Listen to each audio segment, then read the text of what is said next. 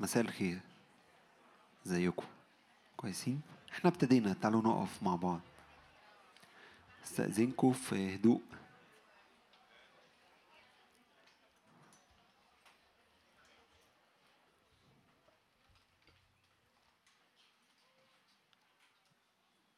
تعالوا كده في أول اجتماع نهدى دقيقة.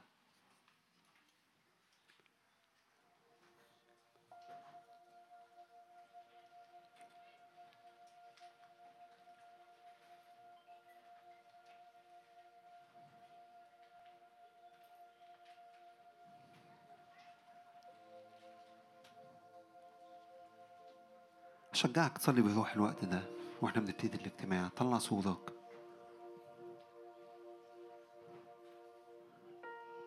هذه هي راحتي. ها هنا أسكن.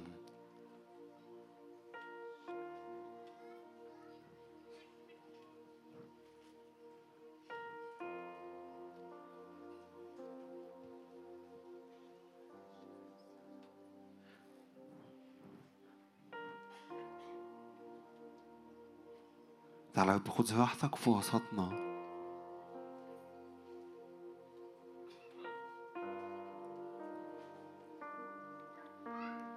تعالى تعالى أكتر تعالى بروحك علينا.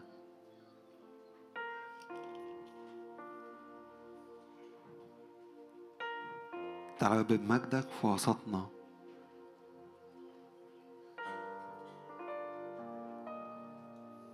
وأشجعك إنك تقولها تعالى بمجدك فيا.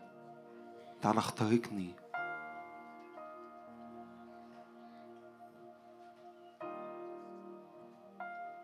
ها أنا متاح ليك. كل واحد فينا متاح. تعالى بأسكب من الروح القدس.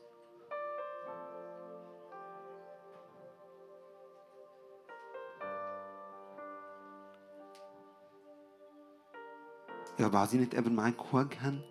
إلى وجه.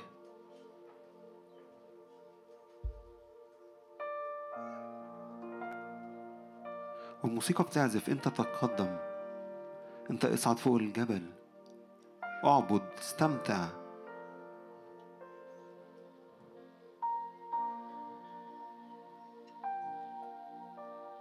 وجها إلى وجه مع الإله الناري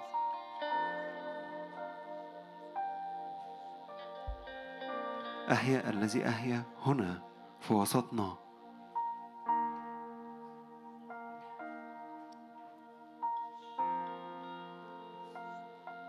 تعالى برف على القاعة على كل واحد حتى اللي بيتفرجوا واللي بيسمعوا بعد كده. تعالى بمقابلات جديدة.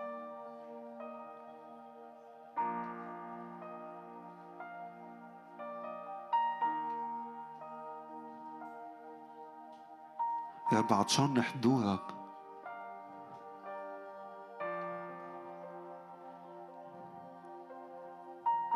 أشجعك إنك تسكب نفسك أمامه زي ما حنا عملت. علي قال لها أنت سكرانة. قالت له أنا بسكب نفسي. قال لها اخضعي يا نفسي.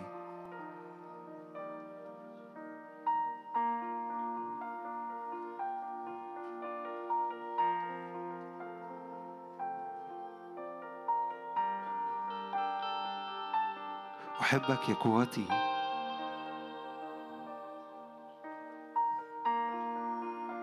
ما أحلى حضورك ما أحلى حضورك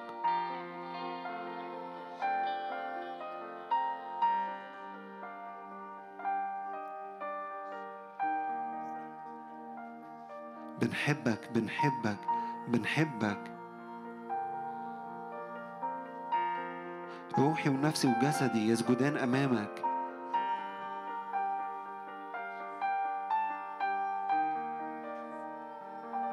شجعك طلع صوت طلع صوت. اعبد استمتع. ما تقفش ساكت. الملك هنا في وسطنا.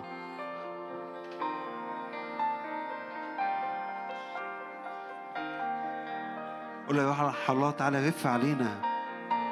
هياتها ايتها الرياح الاربعه هبي على المكان.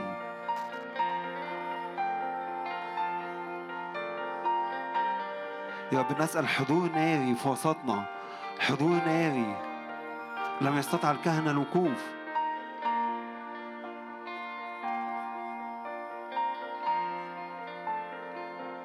باركي يا نفسي الرب ولا تنسي كل حسناتي.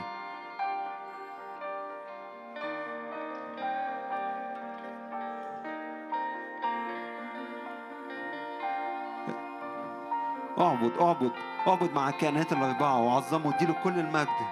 وحده مستحق.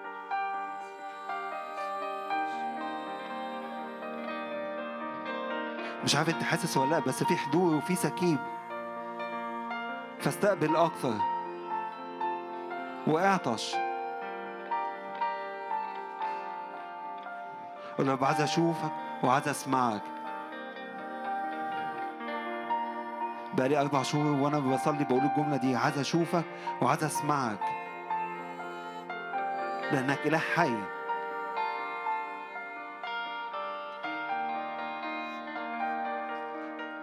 قولها له بصوت عالي عايز أشوفك وعايز أسمعك عايز أشوفك وعايز أسمعك.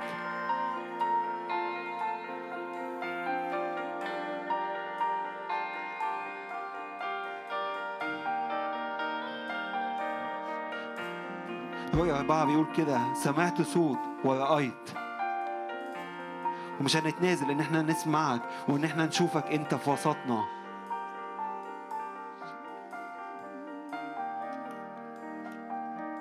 وفي وسط العرش وحول العرش أربعة كائنات مملوءة عيونا من قدام ومن وراء. والكائن الأول شبه أسد والكائن الثاني شبه عجل والكائن الثالث له وجه مثل وجه إنسان. والكائن الرابع شبه نسر طائر. والكائنات الأربعة كل واحد منها ستة أجنحة حولها ومن داخل مملوءة عيونا. ولا تزال نهارا وليلا قائلة قدوس قدوس قدوس الرب الإله القادر على كل شيء الذي كان والكائن والذي يأتي وحينما تعطي الكائنات مجدا وكرامة وشكرا للجالس على العرش الحي إلى أبد الآبدين يخر الأربع وعشرون شيخا قدام الجالس على العرش ويسجدون للحي إلى أبد الآبدين. تعالوا كده كلنا نقول له قدوس قدوس قدوس. الرب الإله القادر على كل شيء. قدوس قدوس قدوس. الرب الإله القادر على كل شيء. قدوس قدوس قدوس. الرب الإله القادر على كل شيء. قولها له بصوت عالي. طلع صوتك. اعبد استمتع. قدوس قدوس قدوس. الرب الإله القادر على كل شيء. قدوس قدوس قدوس. الرب الإله القادر على كل شيء. قدوس قدوس قدوس. الرب الإله القادر على كل شيء. اعبد الرب واستمتع لأنه حي في وسطنا. قدوس قدوس قدوس. الرب الإله القادر على كل شيء.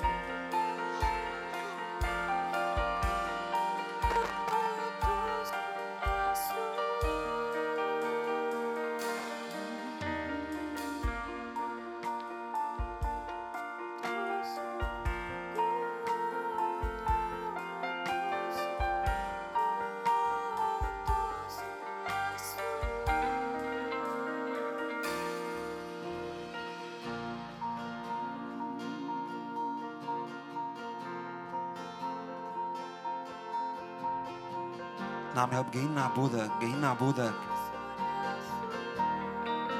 معا معا كلنا مع بعض.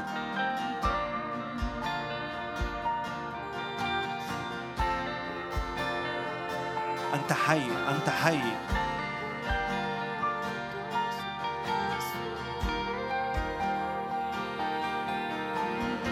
هلما يا روح الله تعالى تعالى كرياح عاصفة فلتملأ المكان. اغمرنا اغمرنا قدوس قدوس قدوس الرب الإله القادر على كل شيء. حيث الروح هناك حرية. أشعر بحرية وأعبد.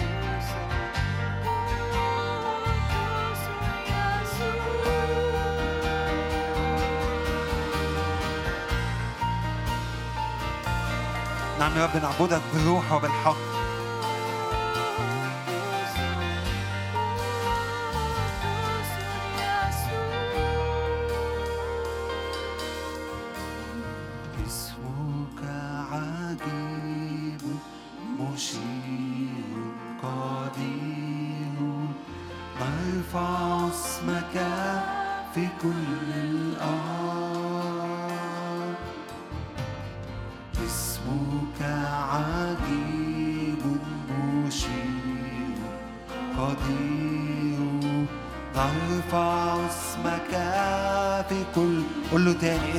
Keep pushing.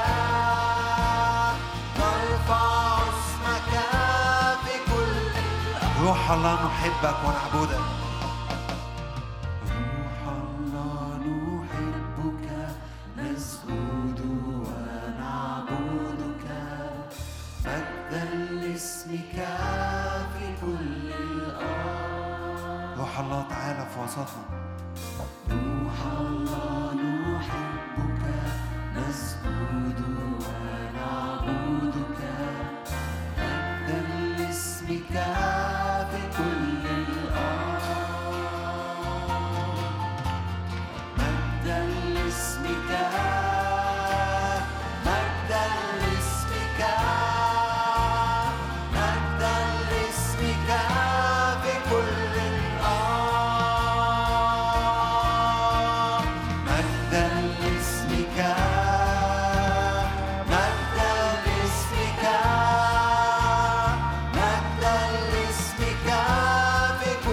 الله نحبك ونعبدك روح الله نحبك نسجد ونعبدك مجدا لاسمك في كل الأرض هلما يا روح الله تعالى في وسطنا روح الله نحبك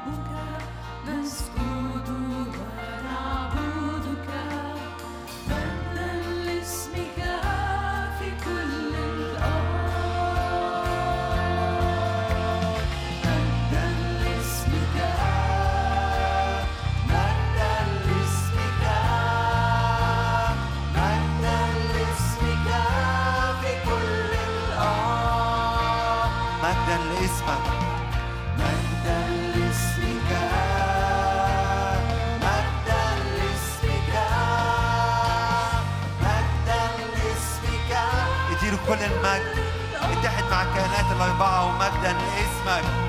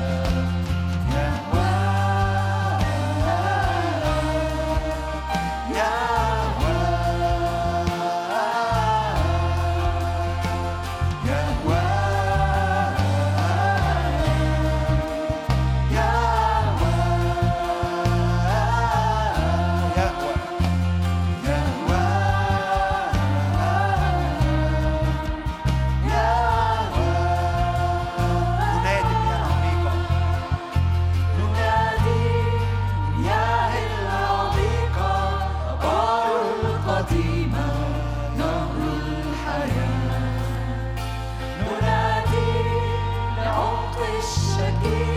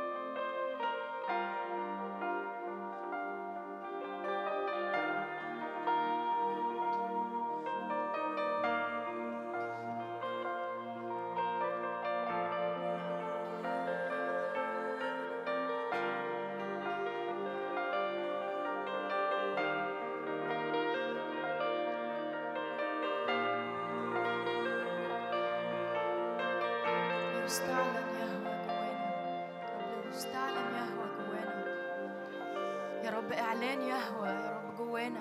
رب يستعلن يهوى جوا أرواحنا. يا رب استعلن يا رب بكل مجدك يا رب جوا أرواحنا.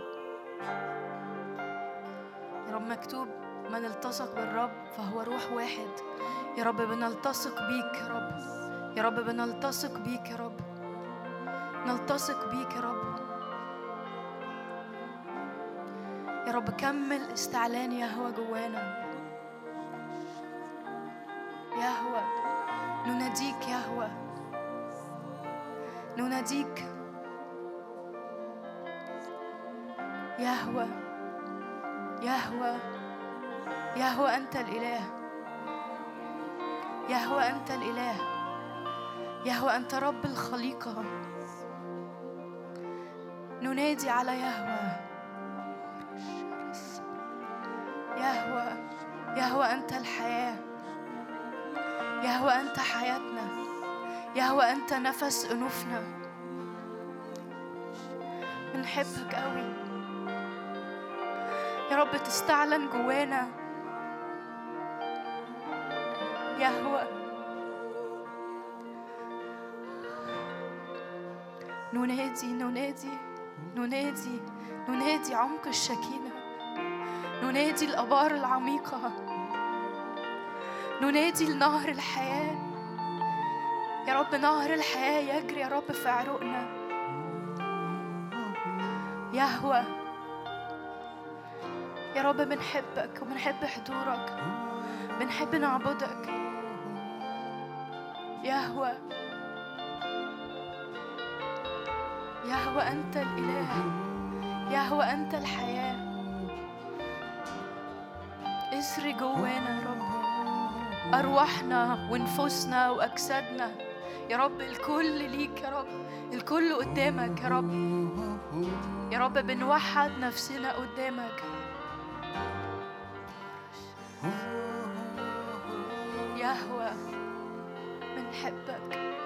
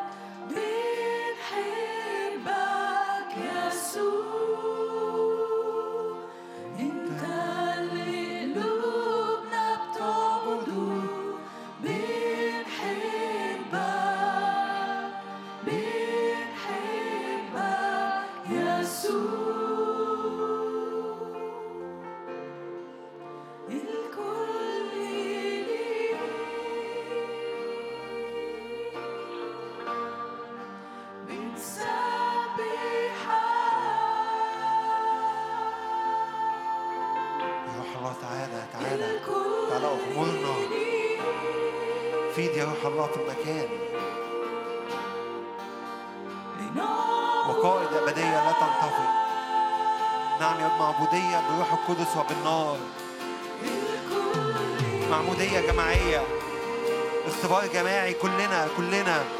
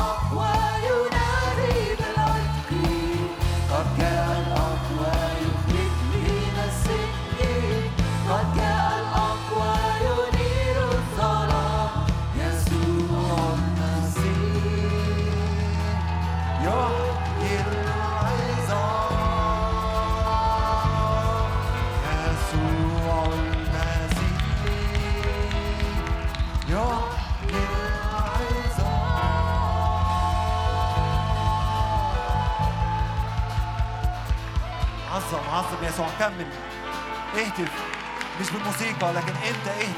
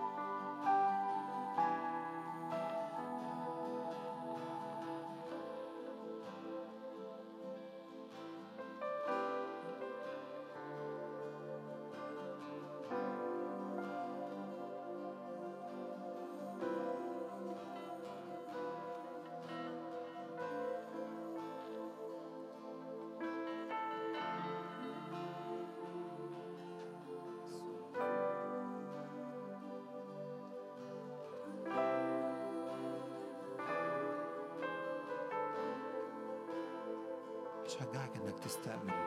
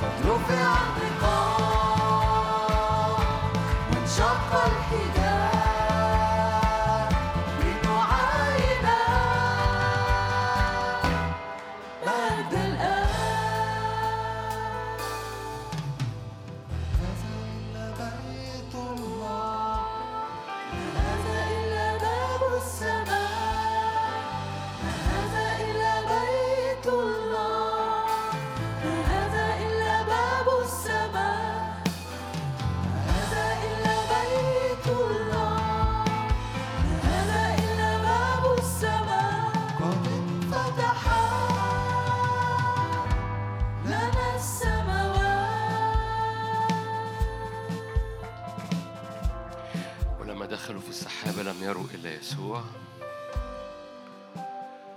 قال يوحنا كنت في الروح في يوم الرب فرأيت وسمعت.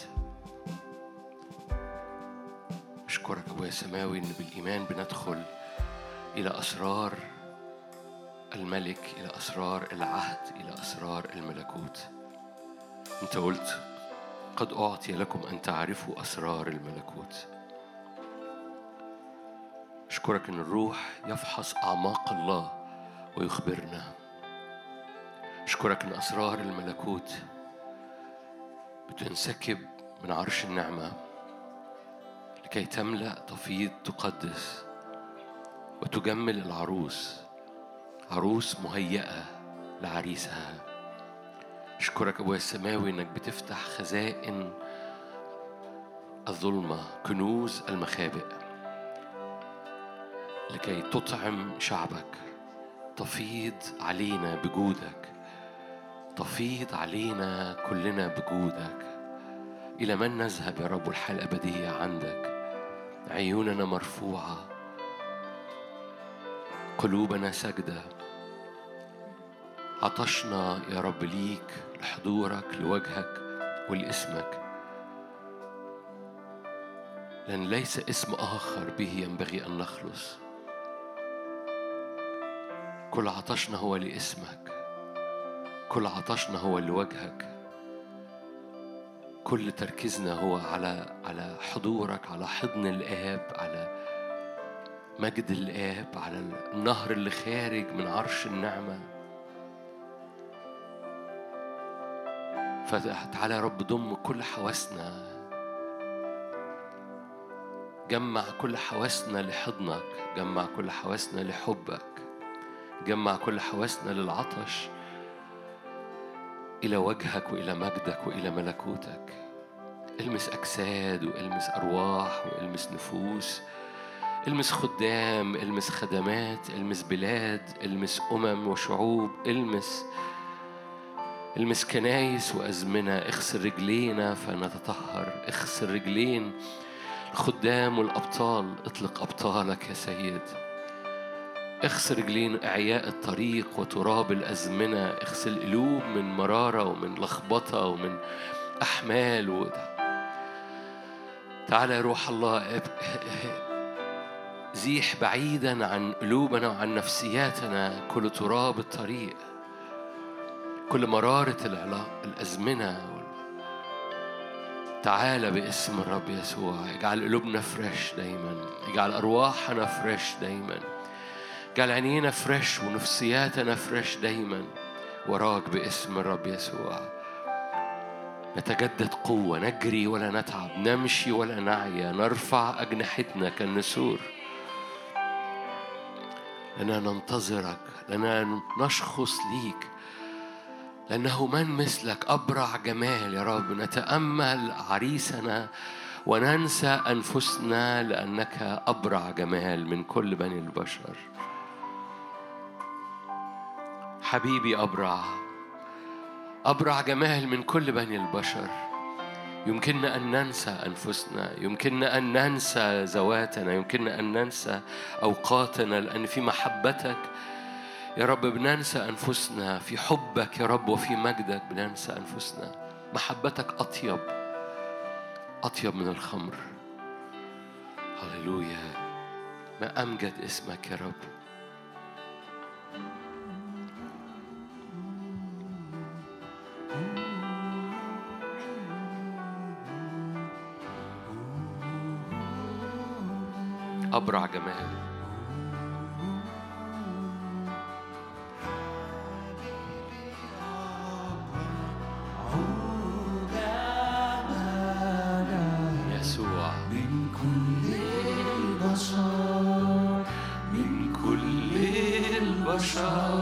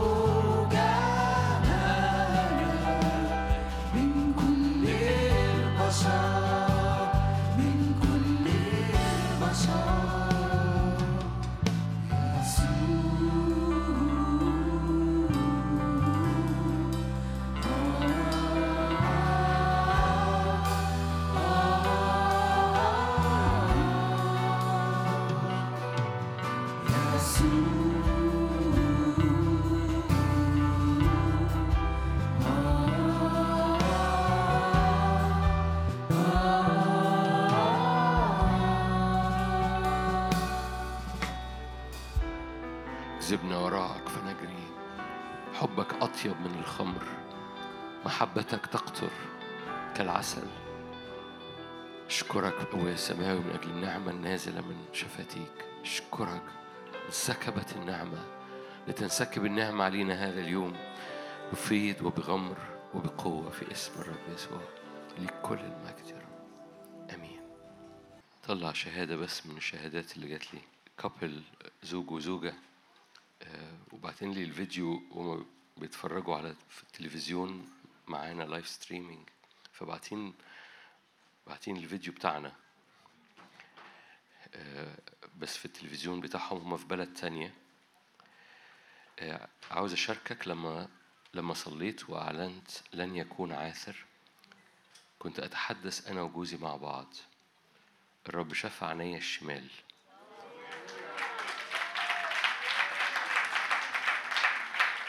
كنت كنت هعمل فيها عملية الاختبار الجماعي من النعمة والسلام والفرح والشفاء. عينيا رجعت عادي. المجد للرب وحده. ده جزء من الرسالة يعني بس حبيت أبعت لكم.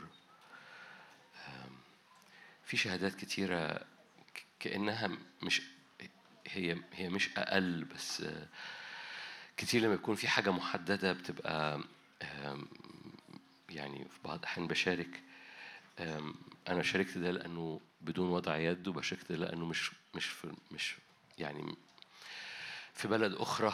لكن شهادات كتيرة لأمور نفسية وشهادات كتيرة لأمور روحية بتحصل في الاختبارات الجماعية. فمجرد حبيت أشجعكم إنه مش بنضارب الهوى وكل والموضوع مش مؤتمر وعدى إحنا كل ما هنفضل نزق من أجل كل ما هنفضل نزق من أجل اختبار الكنيسة الجماعي وإن الاختبارات تتنقل إيماننا يتنقل من مجرد الاختبار الشخصي بمعز- بمعزولية عن باقي الجسد. لكن ما يسكبه الرب وما يريد الرب أن يسكبه وما يجب أن نعطش ليه هو الاختبار الجماعي اللي بيغطي فلا يفقد واحد.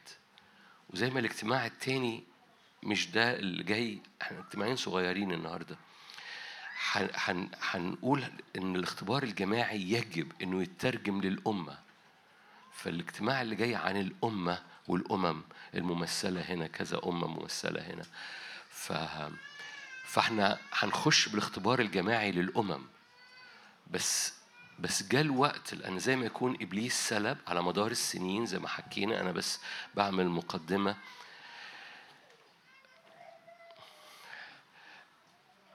إنه إبليس سلب إيماننا وتوقعنا إن أنا واقف قدام الرب ويا لو حصل اختبار شخصي ما بيني وبين الرب مجد عظيم يملأ هذا المكان. ومقاصد الرب أكتر من اختبار شخصي مقاصد الرب هو إدراك إن ما يسكبه بيسكبه على عروس كاملة. ما يسكبه بيسكبه على عروس كاملة. أمين. أنتوا كويسين؟ أوكي. أنا صوتي سامعينه كويس ولا حاسس إن في خادم تاني بيتكلم؟ هنا في حبة مرادفات موجودة في الكتاب المقدس بس كلهم مرادفات عايز أحطها في هذا الصباح آه لينا لأن دي مرادفات حقيقية بتلغي الإنعزالية بتلغي قصة وبتحط لينا قلب الرب أكتر ك يتحط قدام عينينا. يعني دي مرادفات كتابية كلهم بيعنوا نفس المعنى.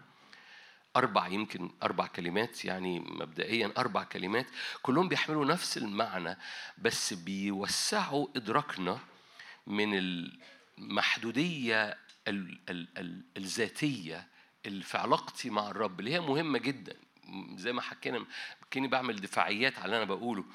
ف ف م- إحنا مش بنلغي الاختبار الشخصي بل بالعكس زي ما كنتوا امبارح لو أنتوا موجودين لأن في ناس ما كانتش موجودة امبارح ف آه، لو لا في ناس كانت موجودة امبارح مش موجودة دلوقتي لكن ال ال الاختبار الشخصي مهم جدا. إبراهيم كان له اختبار شخصي مع الرب موسى اختبار شخصي إيليا اختبار شخصي بولس اختبار شخصي. اختبارك الشخصي بيتضاعف زي ما كنا بنحكي امبارح بالليل بسبب المسحة الجماعية والاختبار الجماعي. وبالتالي إحنا مش بنلغي الاختبار الشخصي. هام جدا. بل بالعكس في خطورة. لو أنت اعتمدت على أجواء زيطه وما ما جبتش ما يحدث في العمل الجماعي لحياتك الشخصية فاحذر إنك تعمل كده. لكن على الجانب الآخر لما مجرد إن أنا ببقى محصور قوي في نفسي واختباري الشخصي و... وأنا واقف قدام الرب. بيحصل استنزاف لهذا الإيمان وبالعافية بنصدق ياه لو ربنا لمسني لمسة شخصية برغم إن الرب يريد مش أن يلمس لمسة شخصية بس ويريد أن يسكب على جسد كامل بمسحة مض... يدفلق يدفلق هذه المسحة مسحة جماعية شفاء جماعي ولا يفقد واحد محتاجين تتذكروا دايما يسوع اللي بيقول ولا يفقد واحد. لما يبقى عايز يسكب شفاء لم يكن عاثر في وسطهم. لم يفقد واحد. محدش رفع ايديه. أنا رجلي بتورم. أنا هدومي بتبلى أنا أنا أنا أنا أنا معيا نفسيا. لم يكن في وسطهم متعثر نفسيا أو ضعيف آه، نفسيا. حتى نفسيا. لما تقرأ كلمة عاثر دي الموجودة في سفر المزامير حكينا عنها امبارح مش هرجع أتكلم عنها تاني. هي بتحمل بعد نفسي وبعد جسدي وبعد واحد محني لم يكن في وسطهم من الملايين اللي خرجت من أرض مصر. ما كانش في واحد بس كده يعني آه، بعافية. ليه؟ لأن حصل معجزة شفاء جماعي بسبب العهد الجماعي بسبب الدم اللي متغطي بيه شعب. وجاء الوقت نرفع عينينا بقى من نفسنا. أنا أنا بحاول بس أعمل كده أهو. والقصة كلها قلب قلب الآب وعروس الابن وهي دي اللي أنا يعني عايز أبص على الأربع كلمات اللي هم كلهم بيعني نفس المعنى بس بيحملوا قلب الله لينا. كلهم بيحملوا نفس المعنى. كلمة جسد. تسمعوا عن كلمة جسد جسد المسيح؟ هو إيه الفرق ما بين جسد المسيح وعروس المسيح؟ إيه الفرق ما بين عروس المسيح ومدينة الله؟ إيه الفرق ما بين عروس المسيح ومدينة الله والعيلة؟ فالأربع كلمات دول بيحملوا نفس المعنى. هو جسد هي مدينة هي عيلة هي عروس. والأربع كلمات دول بيحملوا قلب الآب. لأن قلب الآب أن يأتي بعروس للابن.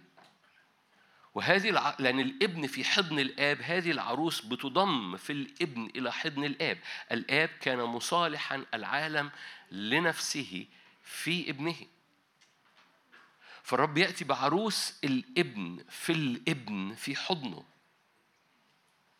حضرتك في الجسد وبالتالي في العروس وبالتالي في العيلة وبالتالي في المدينة. لأن جسد عروس عيلة ومدينة حاجة واحدة. اتفضلوا نصلي خلصنا المؤتمر ولما رب يسكب على جسد بيسكب على العيلة بيسكب على العروس بيسكب على المدينة. والأربع كلمات دول هو اختبار جماعي.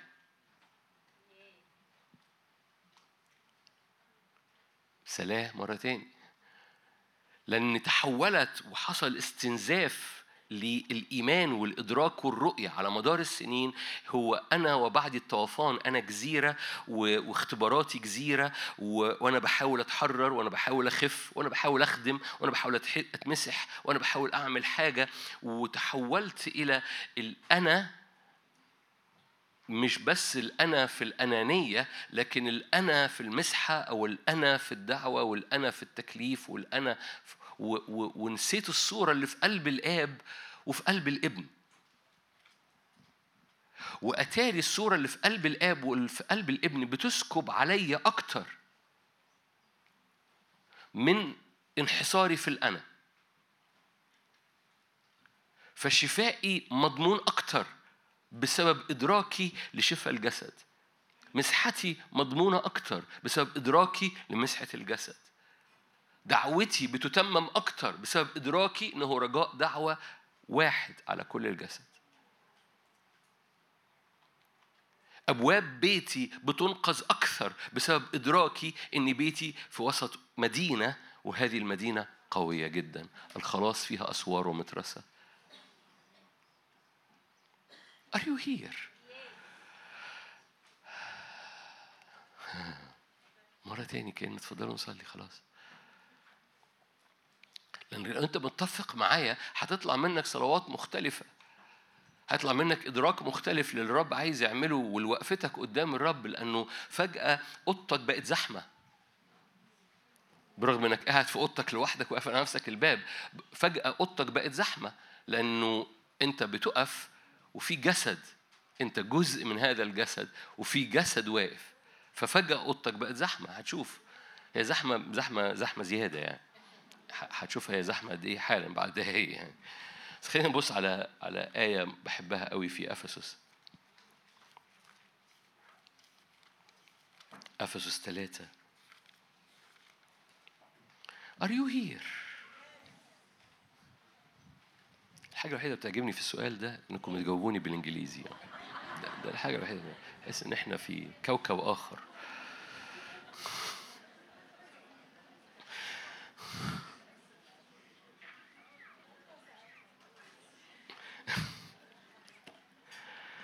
افسس ثلاثة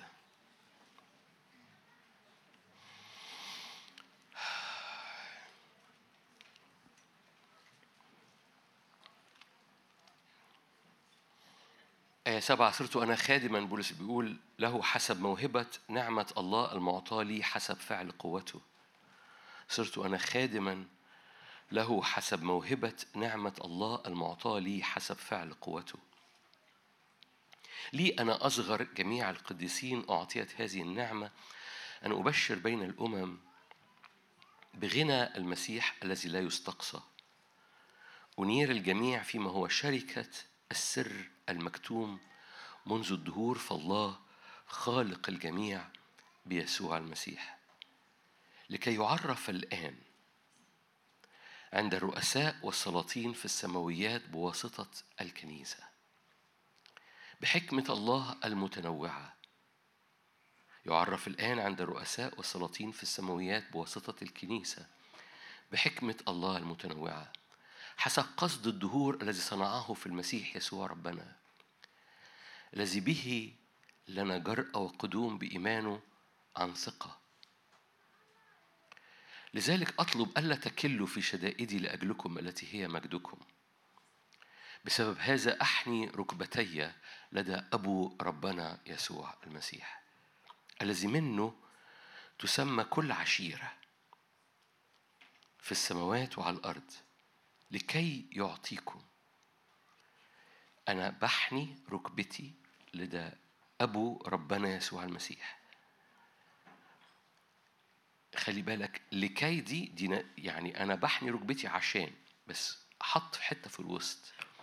أنا بحني ركبتي أمام هذا الإعلان إن هذا الآب تسمى منه كل عشيرة في السماوات وعلى الأرض. وأنا بحني ركبتي بهذا الإعلان لدى الآب بينسكب غنى مجده فتتأيدوا بالقوة بالروح في الإنسان الباطن.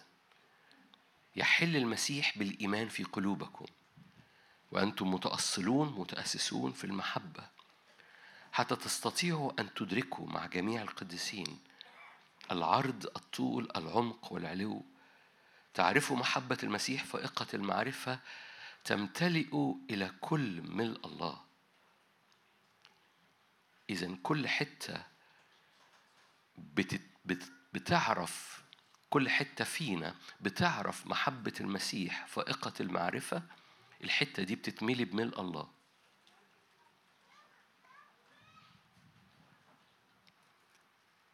ده تعليق اعتراضي بس هقف عنده. أنتوا شايفين الآية؟ كل حتة بتعرف الفائقة يعني فائقة المعرفة خلينا نحط المعجزية بدلها. كل حتة فيا بتعرف محبة المسيح المعجزة المعجزية كل حتة فيا بتعرف محبة المسيح المعجزية بتتملي بملء الله. إذا كل حتة فيا مش مختبرة معجزة محبة المسيح مش مليانة من الله.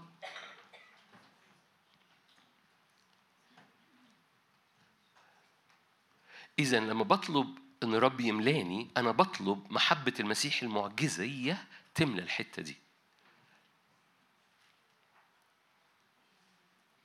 ملء الله هو محبة المسيح المعجزية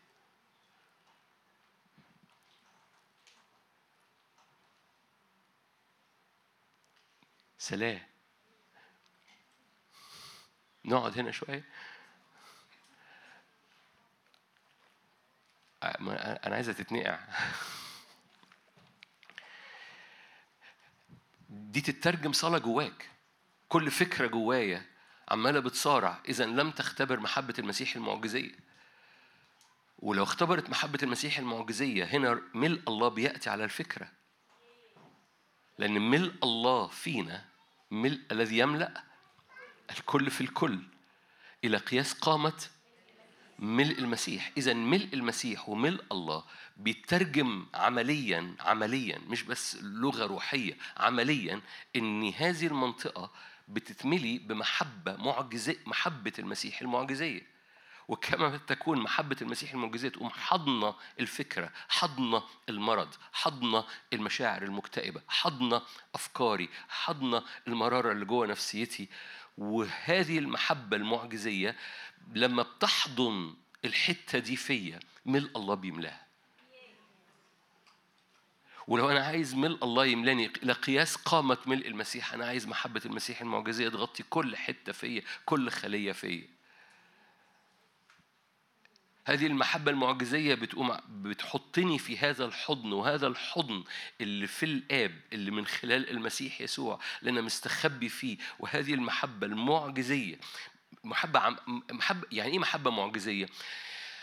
محبة معجزية لأن نمرة واحد أنا ما فيش فيها حاجة تتحب بس محبة معجزية لأنها بت- بتأتي بنتائج ما هياش محبة آه، آه، مناديل دموع ونقعد نعيط مع بعض. وإن كان بكاء مع البكين. لكن هذه المحبة هي أكشن ببساطة لما تحنن يسوع على الأرملة اللي ابنها ميت ما عيطش معاها. أوكي؟ لما بيتحنن يسوع على المرارة اللي جوه قلبك مش بيطبطب عليك. لما بيتحنن يسوع على أحداث البيت مش بي مش بيمصمص شفايفه قلبي معاكي. لما بيتحنن يسوع فرد إيديه على الصليب. وهذا الصليب بيحمل كل الخلاص بيحمل كل نتائج الفداء.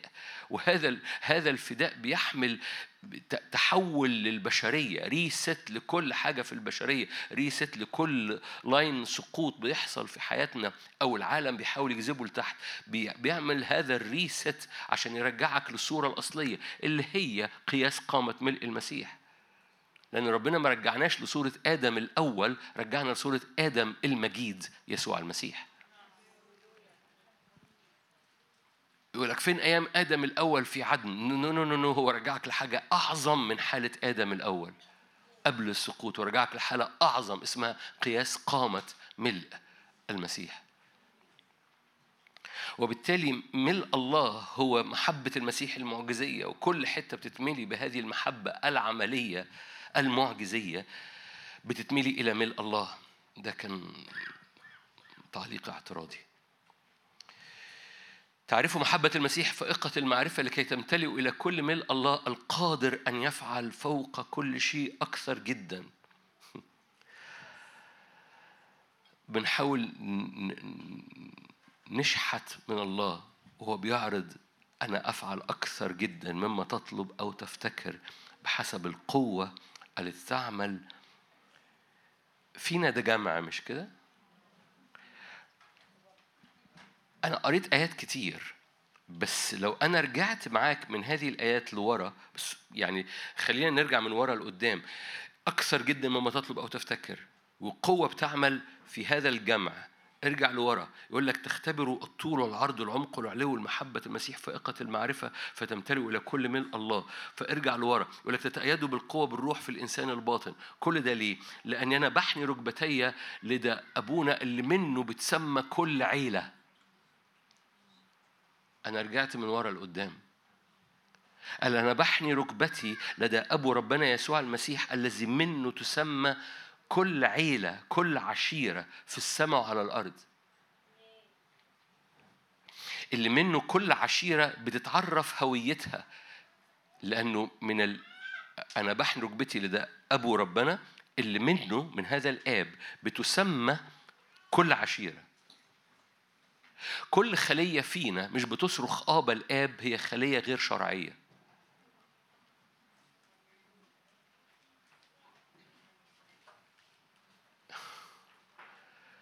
كل فكرة فينا مش بترجع مرجعيتها لآبا الآب وبتسجد قدام أبو ربنا يسوع المسيح هي خلية غير شرعية ولو كل فاهمين يعني إيه خلية غير شرعية؟ يعني خلية مش بحسب ملء الله. ومش خضع عشان خاطر حضرتك بس. ولو أنا أريد إن الخلية فيا تتغير الفكرة فيا تتغير إن الكانسر اللي فيا تتغير أنا بأتي بكل خلية فيا وبخضعها إنها تصرخ ابا الاب لأن لو كل فكرة فيا صرخت آبا الآب لو كل خلية فيا صرخت آبا الآب لو قلبي صرخ آبا الآب مش بس قلبي بيتكرس لآبا الآب لا كمان آه، شرايين قلبك و... و... وال pacemaker بتاع قلبك بي- بيتظبط على آبا الآب. لأن من هذا الآب كل خلية وكل حاجة فينا بتتسمى.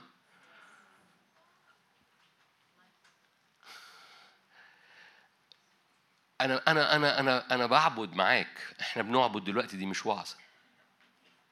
يعني لو قاعد مكانك لو أنا أنا أنا ده اللي أنا بعمله وأنا بكلمك بس لو أنا قاعد مكانك هبقى أسهل لي إن أنا وأنا قاعد أنا حاطط ودن مع اللي بيتكلم وقلب قلبي طالع عمال بقول له أنا أنا بجمع كل حاجة فيا وبطلع بجمع أولادي وبجمع الدنيا وبجمع الدين وبجمع ال- الدنيا والدين يعني. بطلع كل حاجة بحطها قدامك عشان كل حاجة تبقى باستقامة قدامك وكل حاجة فيا بتصرخ آبا الآب الروح ده روح الأبناء روح الابن صارخ فينا. عارفين الآية دي؟ في رو- روح الاب روح البنوة اللي فينا. كله عمال بيصرخ آبا الآب. فلما روحي بيصرخ ابا الاب واجيب نفسيتي تصرخ مع الروح واجيب جسدي يصرخ مع الروح فكل خلية فيا بتتظبط مع اللي منه منه يعني خارجة منه ده هو مصدرها. اللي منه بتسمى كل عشيرة. فلما لما خلي بالك ديناميكية بولس. بولس بيقول أنا بسجد عند هذا هذا الإعلان إنه أب كل عشيرة أب كل عيلة. هو أب كل مدينة هو أب كل عروس هو أب الجسد. الابن هو رأس الجسد بس هو من من أب من أبو ربنا يسوع المسيح بتسمى بتتعرف بيحصل تعريف لكل عشيرة ولكل عيلة ولكل خلية ولكل حتة. فعلى مستوى شخصي أنا بتعرف بيك بتعرف من خلال إن هو اللي بيعرف كل خلية فيا أبويا.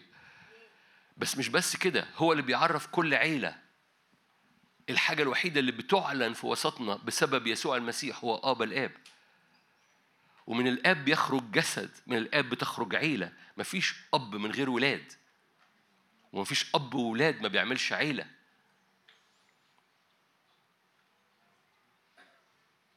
ده مش إعلان روحي ده إعلان اجتماعي سوسيولوجي ما حدش بيسمي نفسه أب اللي عندوش أولاد ومفيش أب وأولاد إلا ما بقت عيلة Are you here؟ وبالتالي في في حاجة في في إدراك بيت بيت بيت بيتجدد جوانا شوية من من من التركيبة اللي في قلب الآب واللي بولس بيقول أنا بعمل كده علشان تتأيدوا بالقوة بالروح في الإنسان الباطن عشان تختبروا أكثر جدا مما تطلبوا أو تفتكروا عشان محبة المسيح المعجزية تملى كل حتة فتمتلئ إلى كل ملء الله. أتاري كل دي نتائج لإدراك إن هو أب كل عشيرة. أنا مش بقول لك حاجة مش بقول لك حاجة ما كانتش حاصلة قبل كده في وسطينا. إحنا دائما لما بنجتمع بنعلن هذا الإعلان لكن أنا ب... إحنا بنخبط بيه في الأرض بتعليم دلوقتي. وبنخبط فيه بيه في الأرض بتعليم ما هوش يعني أعيد صياغة الجملة دي الجملة مش مظبوطة قوي بنخبط الأرض من أجل اختبار جماعي. لأن لأنه في حاجة اسمها جسد عروس مدينة وعيلة عشيرة. وإن الأربع كلمات دول مرادفات والأربع كلمات دول لما بنشوفهم لأن هو شايفهم دي من فوق عينيه جايبة كده. فعينيه جايبة عروس عشيرة جسد المسيح ومدينة. أقرأ لك الآية؟ حاضر. رؤيا 21 أنتوا هنا؟ أقرأ آيات عشان رؤيا 21 أنا قريت آيات بس نقرأ آيات برضو. رؤيا 21 آية كلكم عارفينها بس أنا بحبها. أنا يوحنا رأيت المدينة المقدسة. أورشليم الجديدة نازلة من السماء من عند الله مهيئة كعروس مزينة لرجلها. إذا العروس ال- اللي تهيأت واللي تزينت هو هنا بيراها وهي أصبحت مهيئة. هو اللي عمال بيعمله في هذا الزمان بيهي بيهيئ العروس وبيعد العروس بيدهن العروس للعرس. فالعمال بيسكبوا على حياتنا في هذا الزمن اللي سكبوا امبارح بالليل وإحنا متشابكين معا من أجل دفلقة الروح القدس اللي كان بيصنعها امبارح وده إيمان اللي كان بيحصل وده الاختبار اللي كان أختنا بتبعته جزء منه. ناس كتير اختبرت اختبارات روحية.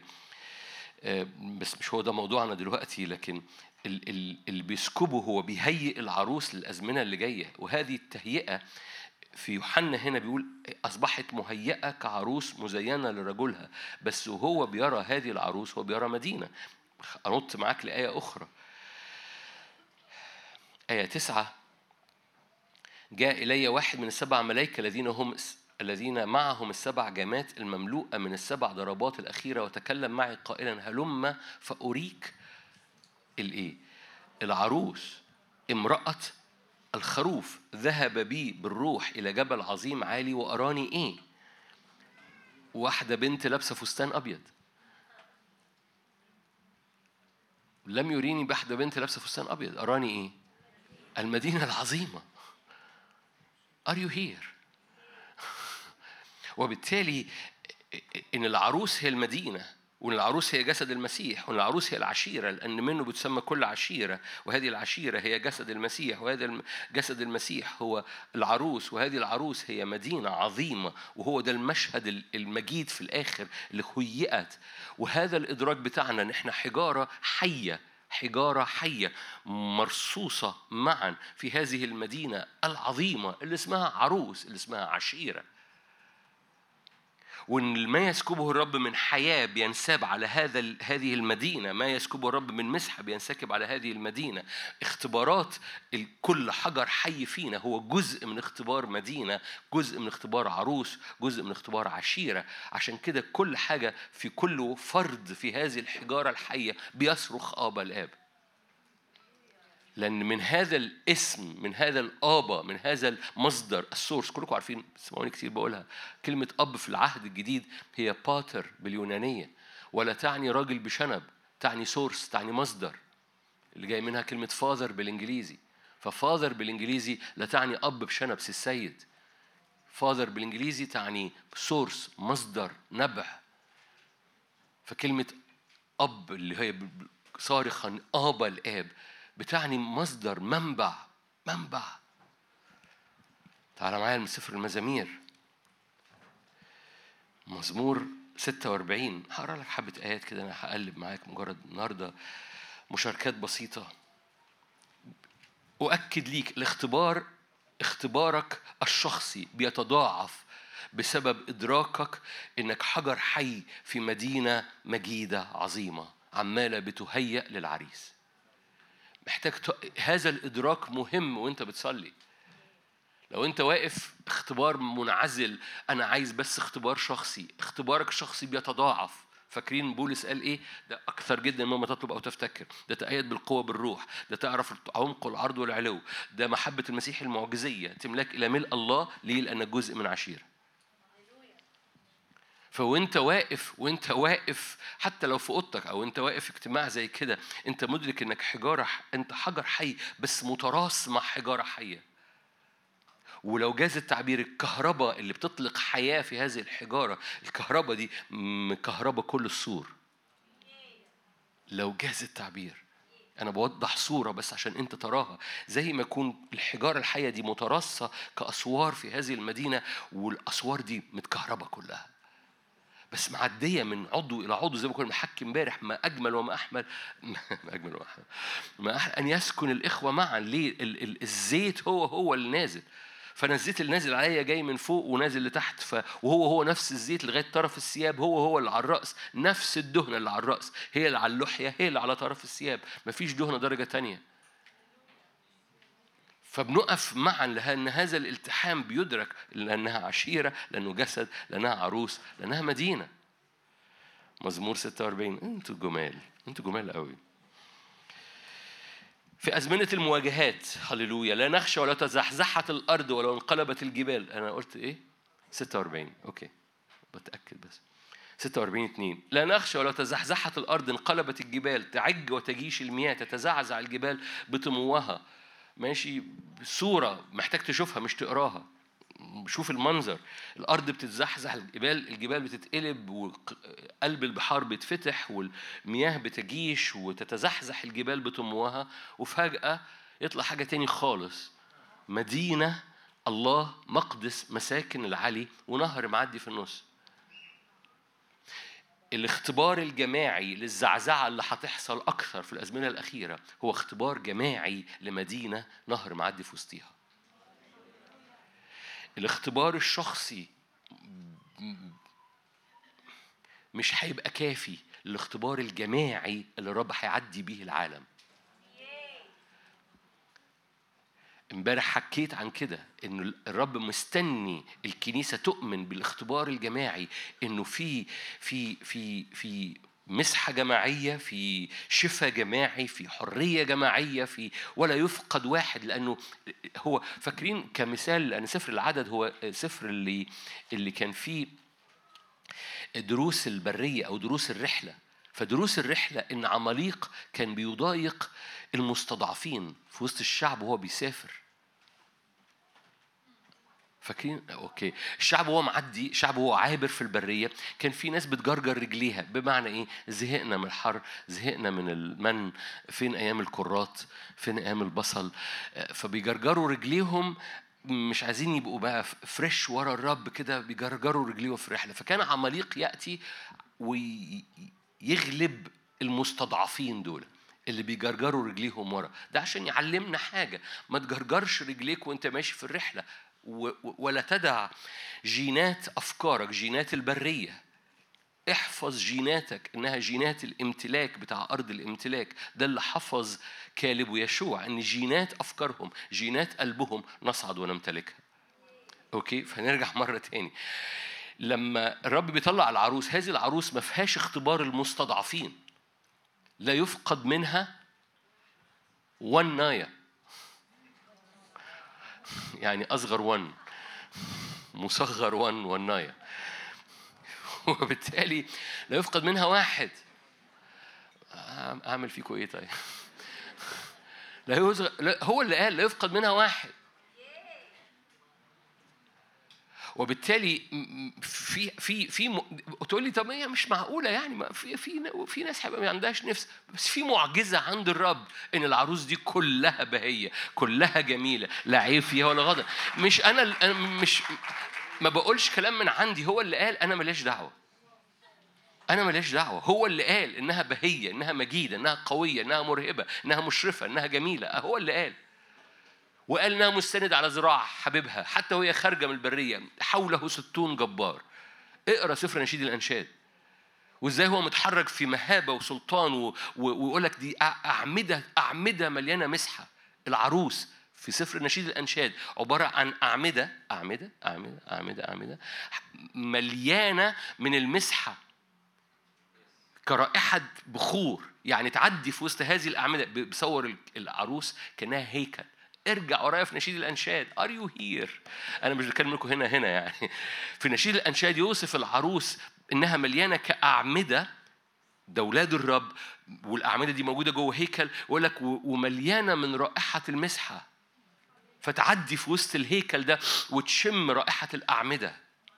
ليه؟ لأن رائحة المسيح الزكية اللي بتمليها، هي دي العروس المستندة على ذراع حبيبها اللي خارجة من البرية اللي لا يفقد منها واحد، هو دي المعجزة طبعا أنت قاعد تسمع هي معجزة وإحنا عشان كده المؤتمر المؤتمر ده كله عمالين بنزق من أجل إدراك الاختبار الجماعي وكل حد فينا يقف. لا يفقد واحد لا يفقد واحد لا يفقد واحد لا يفقد واحد من الشفاء لا يفقد واحد من الحرية لا يفقد واحد بسبب مرارة. لألا يطلع أصل مرارة يتنجس منه كثيرين. عشان كده كتب الرب لينا عشان ما يطلعش أصل مرارة يتنجس منه كثيرين. فبنقف بمراحم وبنقف بمحبة وبنقف بنعمة وبنقف بحق. ليه؟ لأن الرب يطلع عروس مهيئة. اللي شافها يوحنا قد تهيأت. ليه؟ لأنه هو قعد يهيئها. وإحنا في زمن التهيئة زي ما كنا بنحكي امبارح عن إستير إن هو كان بيبعت أطياب عشان تعد إستير لملاقاة الملك. فقال لك ست أشهر بتطيب اطياب معينة وست أشهر تانية بتطيب أطياب تانية. ليه؟ عشان بتعد لما توصل عنده بقالها سنة بتطيب.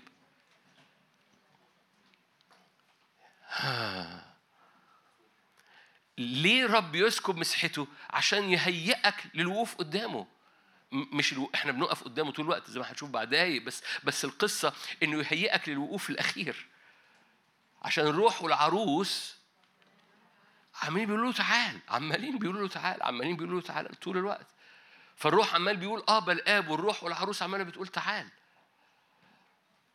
وهو دي العبادة هو ده التكنولوجيا اللي خارجة من كل خلية من أفكارنا ومن الخدمة ومن من النفسية. أول ما تلاقي نفسك اتكعبلت ارجع للحتة بتاعت آه بل آب وإنك واقف وسط جسد وإنه الملء ال- سوري محبة المسيح المعجزية بتملى الحتة دي اللي كعبلتك. وخلي المحبة تضمد المرارة. مش عارف ليه كلمة مرارة طالعة جوه روحي أول ما دخلت القاعة. أي مرارة مش بس الموجودين هنا أو اللي بيشاهدوا. أي مرارة في وسط الخدام أي مرارة في وسط ال- الأبطال اللي أنهكوا في الطريق وفي السكة في اجتماعات في بيوت في بلاد واستنزفوا. أي مرارة في الأجواء. رب يريد أن يبرئ يبرئ يبرئ يبرئ. ده إيه؟ محبة المسيح المعجزية. تملى هذه المرارة بملء الله فتدوب المرارة دي. لا يطلع أصل مرارة. من أحزان من مخاوف من من كده مية طعمها وحش مية مية مرة باسم الرب يسوع. والشكر عمال بيعمل كده بيقول لي آمين. فالاختبار العام للزعزعة اللي بتحصل في الأرض هو اختبار مع... اختبار جماعي بيحصل في الكنيسة إن الكنيسة بقت مدينة. لما اختبار حصل اختبار جماعي في الأرض اسمه كوفيد. الكنيسه اتعاملت باختبار منعزل. okay هاخد الأصل وما أخدش المصل اخد المصل وما اخدش المصل. أحط mask أعمل اجتماع ما أعملش اجتماع. أروح ما أروحش. أسلم ما أسلمش. أعمل كده ولا أعمل كده؟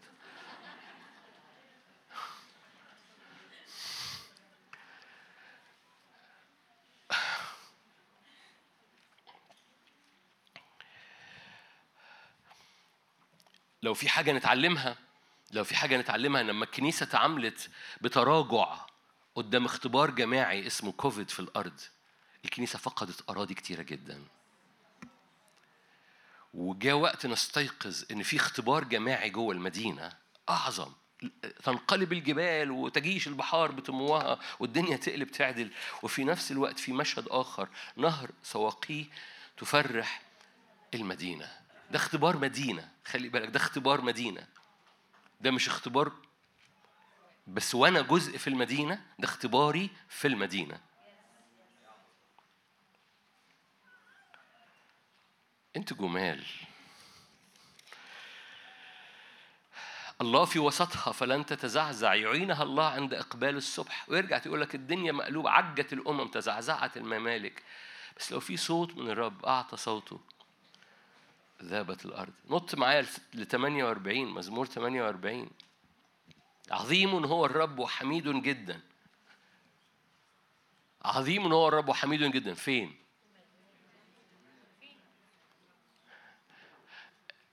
أنا عجباني الآية ما أعرفش أنت بت... عج... عجبني فيه دي. يعني هو عظيم وحميد فين؟ في المدينة.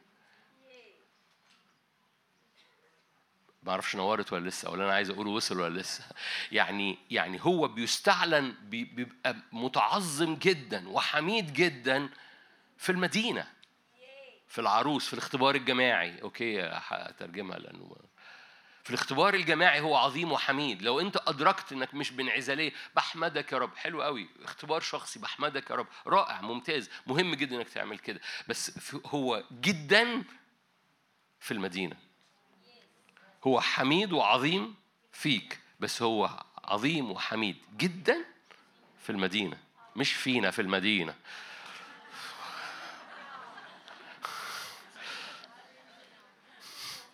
في العروس في الجسد في الم... لا ما لأنه فينا دي أقف يعني نو.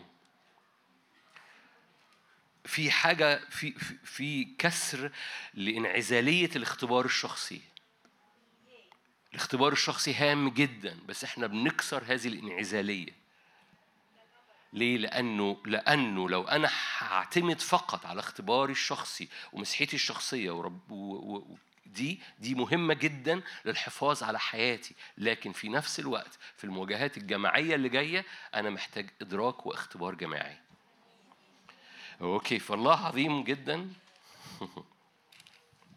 عظيم هو الرب وحميد جدا في المدينة في مدينة إلهنا جبل قدس. جميل الارتفاع فرح كل الأرض هذا الجبل. هنرجع لهذا الجبل حالا. الله في قصورها في المدينة. وهذا الملوك اجتمعوا.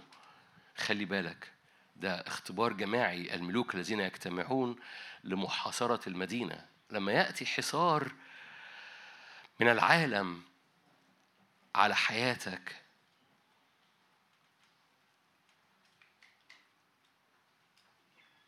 خروج خروجك من هذا الحصار مش على مستوى شخصي. خروجك على مستوى جماعي. وذا الملوك اجتمعوا مضوا جميعا لما رأوا بهتوا ارتاعوا فروا أخذتهم الرعدة هناك والمخاض كوالدة. بريح شرقية تكسر سفن ترشيش. ده ده ده ممالك محيطة. هحكي عن الممالك والأمم في الاجتماع اللي جاي. كما سمعنا هكذا رأينا في مدينة رب الجنود في مدينة إلهنا. بقى حكي بقى الآيات اللي بحبها. كلكم عارفين بصليها كتير. طوفوا بصهيون دوروا حولها عدوا أبراجها ضعوا قلوبكم على متارسها تأملوا قصورها. ده إيه اللي عمال بيقولوا بيقولوا بص ملي عينيك ما, ما, ما, ما تحضرش مؤتمر عن اختبار جماعي وعن مدينة وبعد كده ترجع بقى تقلب على مسحتي. لا ملي عينيك. طوف دور عد ضع قلبك تأمل القصور لكي تحدثوا بها جيلا آخر. المدينة اختبار جماعي. عشان كده الحضارة الحضارة ما فيش حضارات فاكرين فاكرين ثلاث مستويات الحضارة أو الثلاث أسباب اللي بتخلي اللي بيبنيه الرب حضارة؟ في نهر مصدر مية ومصدر غذاء في قيم ومبادئ ماشي بتحفظ وفي حاجة مركزية. هذه المركزية في الحضارات دي كانت العاصمة. الحضارة البابلية كان في بابل صح؟ الحضارة الرومانية في روما أوكي؟ النهارده لما بيقولوا على القاهرة ما بيقولوش القاهرة بيقولوا مصر. يعني في محافظة اسمها سوهاج.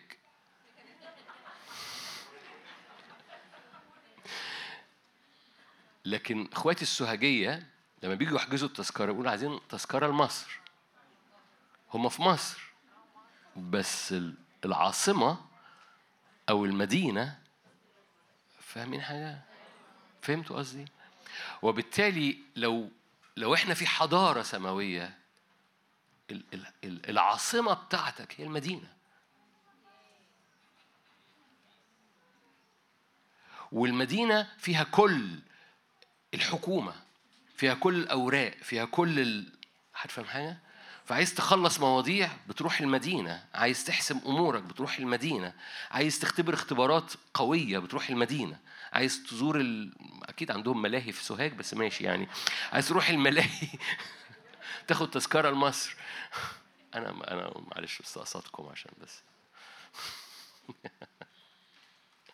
معترضين هم لا. بس. يا رب سامحها ايا كان اللي هي قالته اللي أنا ما سمعتوش. عبرانيين 12 عبرانيين احتياطي.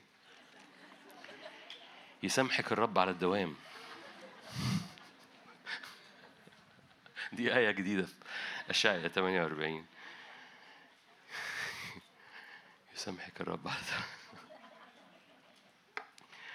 عبرانيين 12 ال- الآيات المحفوظة. عارفينها؟ عارفينها؟ حطيها طب لو شاطرة بقى حطيها أنت. طالما بتقولي آه محفوظة. لا هتمشي واحدة واحدة أنت حافظة الشاهد 22 قد أتيتم إلى جبل قد أتيتم إلى مدينة. فزيارتك للعاصمة بتاعت الحضارة بتاعتك هو مش حاجة تواجدك عشان كده تواجدنا فوق هذا الجبل وتواجدنا في المدينة مش فكرة لذيذة. تواجدك في المدينة هو زي السوهاجية لما بينزلوا القاهرة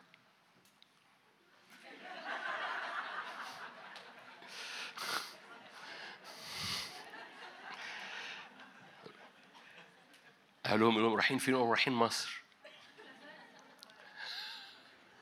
أنا مش سامع برضو بس ربنا يسامحك. يسامحك الرب على الدوام برضو.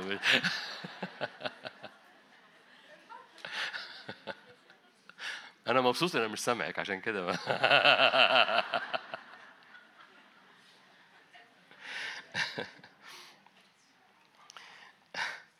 تعرفين أختي أختي قائدة خدمة على مدار السنين سنين طويلة ما بيننا وما بين بعض عشرة أيوة أيوة سقف ممكن سقف.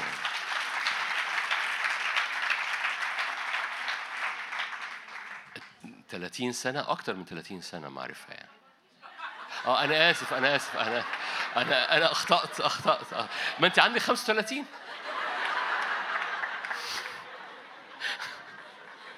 أعرفك وأنت عندك خمس سنين. أخطأت. أنا آسف. ربنا يسامحني الرب على الدوام.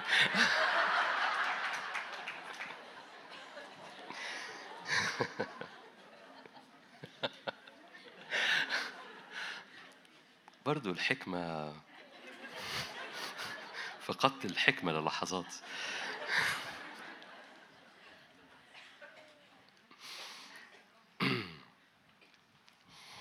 فذهابك للمدينة بتاعتك هو هو الطبيعي بتاع الحضارة بتاعتك لأنه اختبارك المدينة من دلوقتي هو اختبار هو اختبار يجب أنه يكون بيملى حواسك كل مرة بتصلي. قد أتيتم ده في ماضي تام.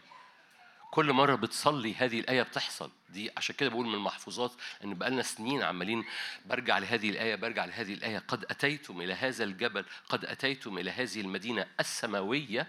كل مرة كل مرة بتخش. وأول ما بتخش في هذه المدينة اللي هي عاصمة هذه الحضارة اللي هو اللي هي العروس اللي هي الجسد اللي هي العشيرة. ما ينفعش أقدر أحكي معاك عن اختبار جسد أو اختبار إلا لما أحكي معاك على على الاختبار اليومي اللي بيحصل في أوضتك. لأن القصة مش مؤتمر وإحنا في وسط جماعة عظيمة فخلاص إحنا كده عشي القصة مش كده.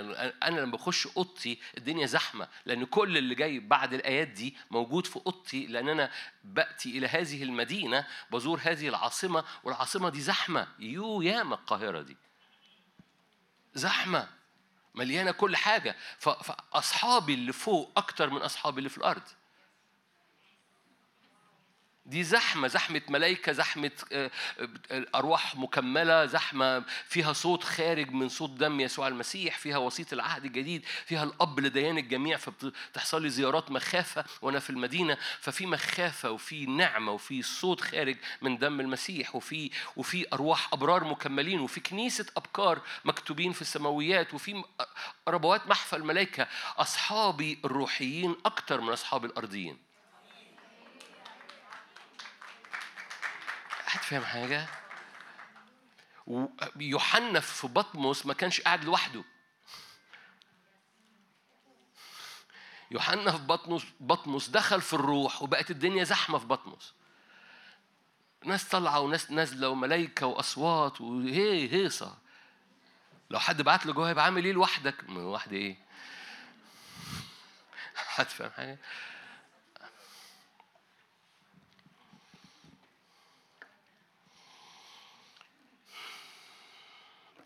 عشان الوقت. أنا النهارده مش لابس ساعة ف... أنتوا كويسين؟ طيب.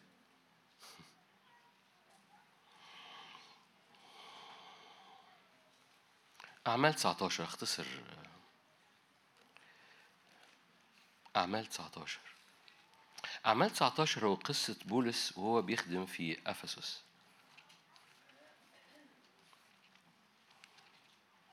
أفسس ما كانتش مدينة سهلة.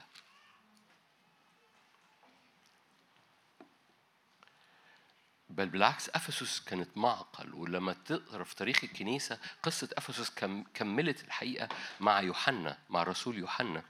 ومذبح أرطميس اللي في أفسس انهدم في أيام يوحنا مش في أيام بولس.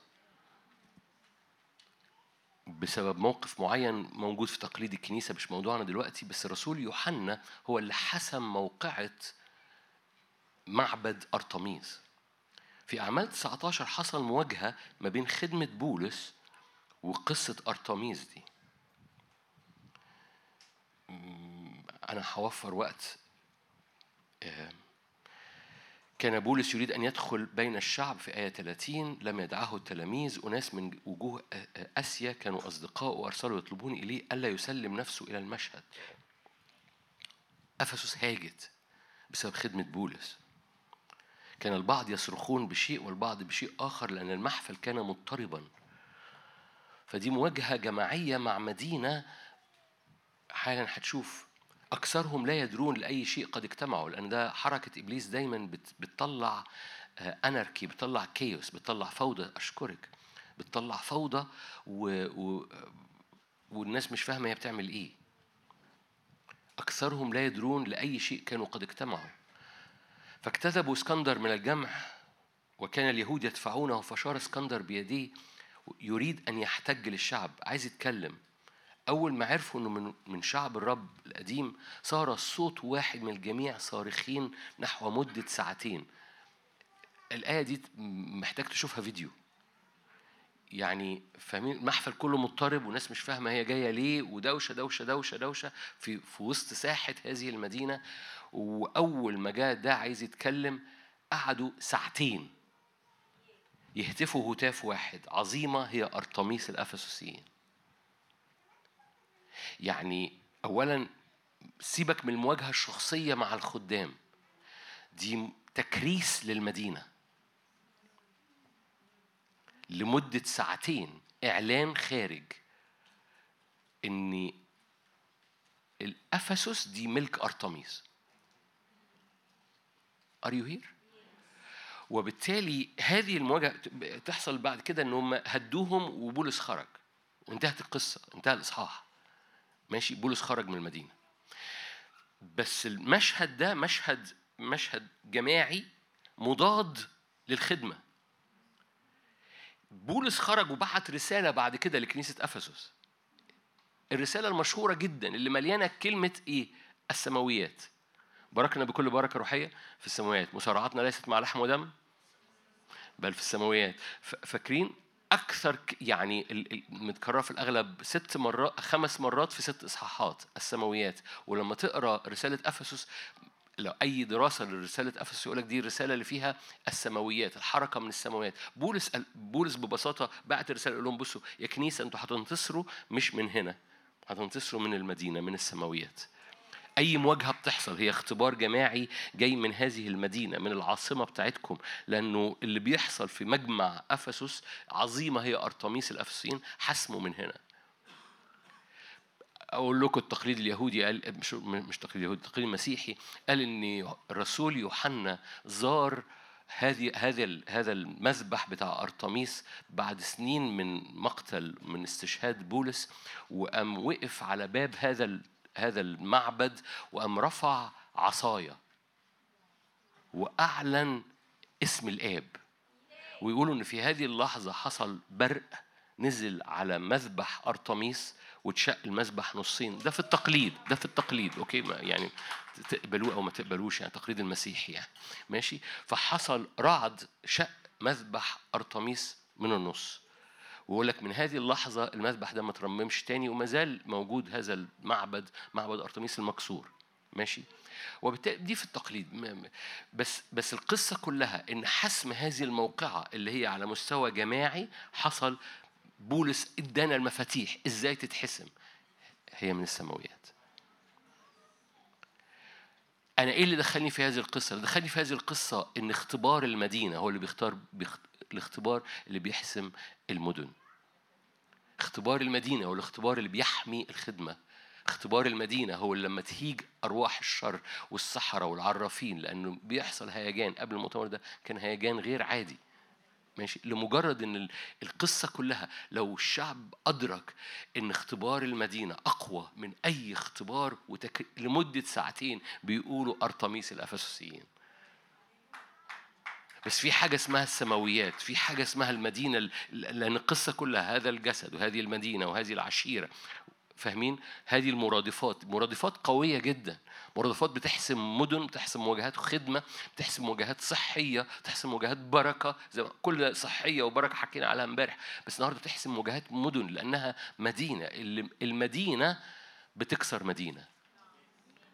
المدينة والجسد والعروس المرهبة هي اللي تقدر تعمل مواجهة مع انقلابات الجبال والبحار و ومع مواجهات الخدمات. تواجدك في المدينة مش فكرة لذيذة جميلة لو تحب تعمل كده. وتحب آه اختبارات بقى السمائيين وأنا قابلت فلان في في في اختبارات جميلة كده. في اختبارات جميلة. أنا وهذه الاختبارات مهمة جدا وجميلة جدا وبتعلم كثيرين حاجات كثيرة جدا. بس ال- النتيجة النهائية مش الاختبارات النتيجة النهائية إن هذه المدينة مدينة جماعية. وإن الحجارة دي حجارة حية مليانة مواجهات ومليانة مليانة مسحة ومليانة قوة. وإن زيارتك للمدينة مش مش مش ده, ده دي عاصمة الحضارة بتاعتك. ده مركز التشريع. هلما نصعد في يكون في آخر الأيام؟ عارفين الآيات دي؟ هقراها احتياطي متكررة مرتين في الكتاب المقدس أشعيا اتنين وملاخي. يكون في آخر الأيام.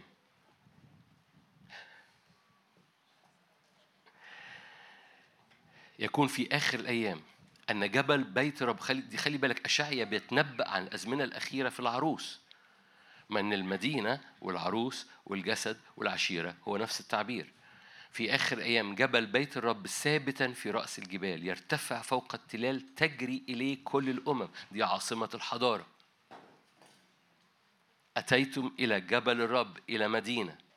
تسير شعوب كثيرة. يقولون هلم نصعد إلى جبل الرب إلى بيت إلهنا يعقوب. ليه؟ يعلمنا نسلك في سبله لأن من هذا الجبل تخرج الشريعة. ومن أورشليم كلمة الرب. فيقضي بين الأمم. لما الدنيا تهيج في قضاء بيحصل جاي من المدينة القصة مرة تانية. أنا ب- بحكي عن المدينة دي بقالي قد إيه؟ بقالي قد إيه يا جيجي؟ بحكي عن المدينة بقالي أكتر من عشر سنين. جاء الوقت بقى إنه إنه ال- الترافيك الزحمة ما بين حيث أنت وزيارتك لعاصمة هذه الحضارة يزداد ويبقى كل يوم. جاء الوقت إنك تدرك إنه من السماويات انتصارك في أفسس بتاعتك. اللي لمدة ساعتين عمال بتقول أرطميس الأفسسيين. إن كان ده بقى بيتك ظروفك أولادك مو- مواجهات مواجهات مواجهات مواجهات, مواجهات. احسمها من المدينة ما تحسمهاش من تحت.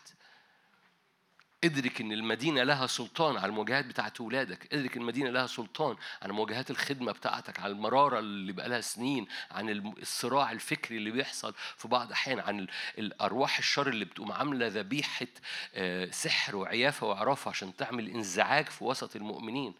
ده بيحصل كتير أحبائي.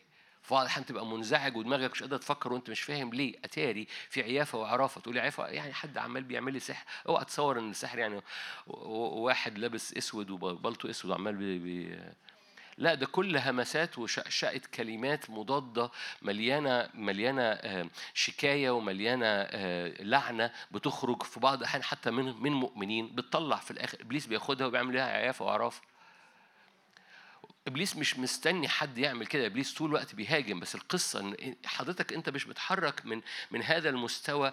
ده لما كرسوا لمدة ساعتين البلد بولس قال بصوا يا جماعة اطلعوا السماويات. المدينة أقوى. عاصمة الحضارة بتاعتك أقوى. أنا بكرر نفسي مش كده؟ لغاية لما ارى ابتسامة مجيدة على وشكم فيقولوا لي آه عارفين ده فأبطل. المدينة بتاعتك أعظم. تواجدك في هذه المدينة في السماوات ده, ده عملي جدا أكثر عملية من أي حاجة. ده اختباري الشخصي لأن أنا أصحابي الكتير اللي بيعملوا لي حاجات. عمليا أفضل عمليا أكثر قوة عمليا من كل جهة من جهات صحية من جهات نفسية من جهات لو أنا قلت كم حد هنا في بعض الأحيان يشعر إن دماغه بت بت بت بت بتقفش ويبقى مش قادر يفكر ودماغه بتسخن التروس بتسخن ما- لو إحنا صادقين معظمنا هيرفع ايده. وأنا هرفع ايدي لغاية لما ادرك ومطالع المدينة فجأة بيس وأبص من فوق آه ده في حاجة مختلفة بتحصل لما حضرتك تتواجدي. أيا كان اللي بيحصل من مرارة من من مواجهات مع أولادك من من ظروف بتمر بيها من أيا كان ما تمر بيه. تواجدك في المدينة هو التواجد في المسحة الجماعية في القوة الجماعية في الحفاظ الجماعي في السور هو حجارة نارية في أيا كان. لأن هذا السلطان هو سلطان جماعي بيحصل في المدينة بيغلب كل حاجة بتتقلب تحت. عشان كده العروس مجيدة عشان كده هي خارجة مستندة على ذراع حبيبها. عشان كده مرهبة كجيش بألوية. أمين. هنصلي لإيه النهاردة؟ هنصلي لتواجدك في هذه العاصمة المستمر.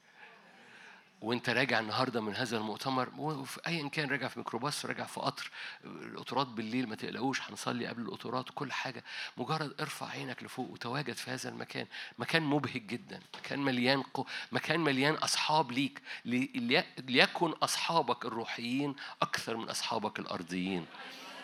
ليكن أصحابك الروحيين أكثر من أصحابك الأرضيين. بأمانة بأمانة بأمانة ألذ.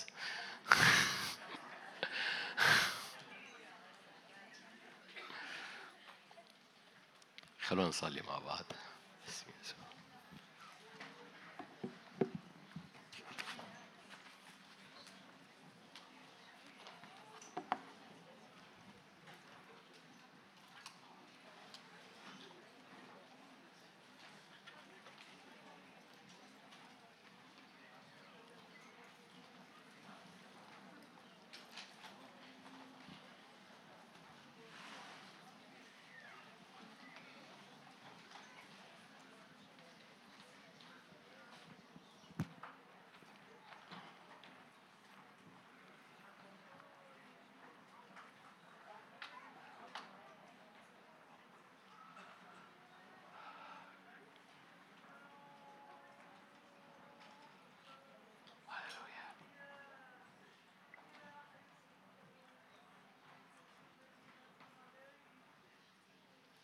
ارفع إيدك معايا وارفع قلبك معايا.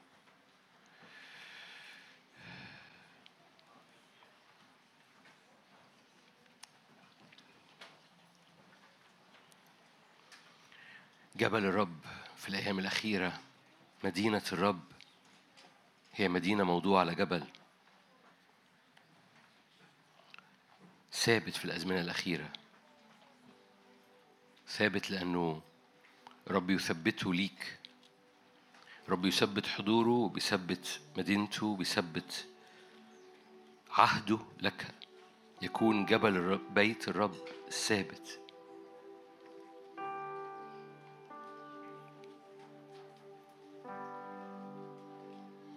لك مدينة قوية. قال كده في أشعيا. يكون في ذلك اليوم لنا مدينة قوية. الخلاص أسواره مترسة. مدينة موضوعة على جبل. جبل بيت الرب ثابت في رأس الجبال. يرتفع فوق التلال. تجري إليه كل الأمم. تعال نرفع عينينا لهذا المكان.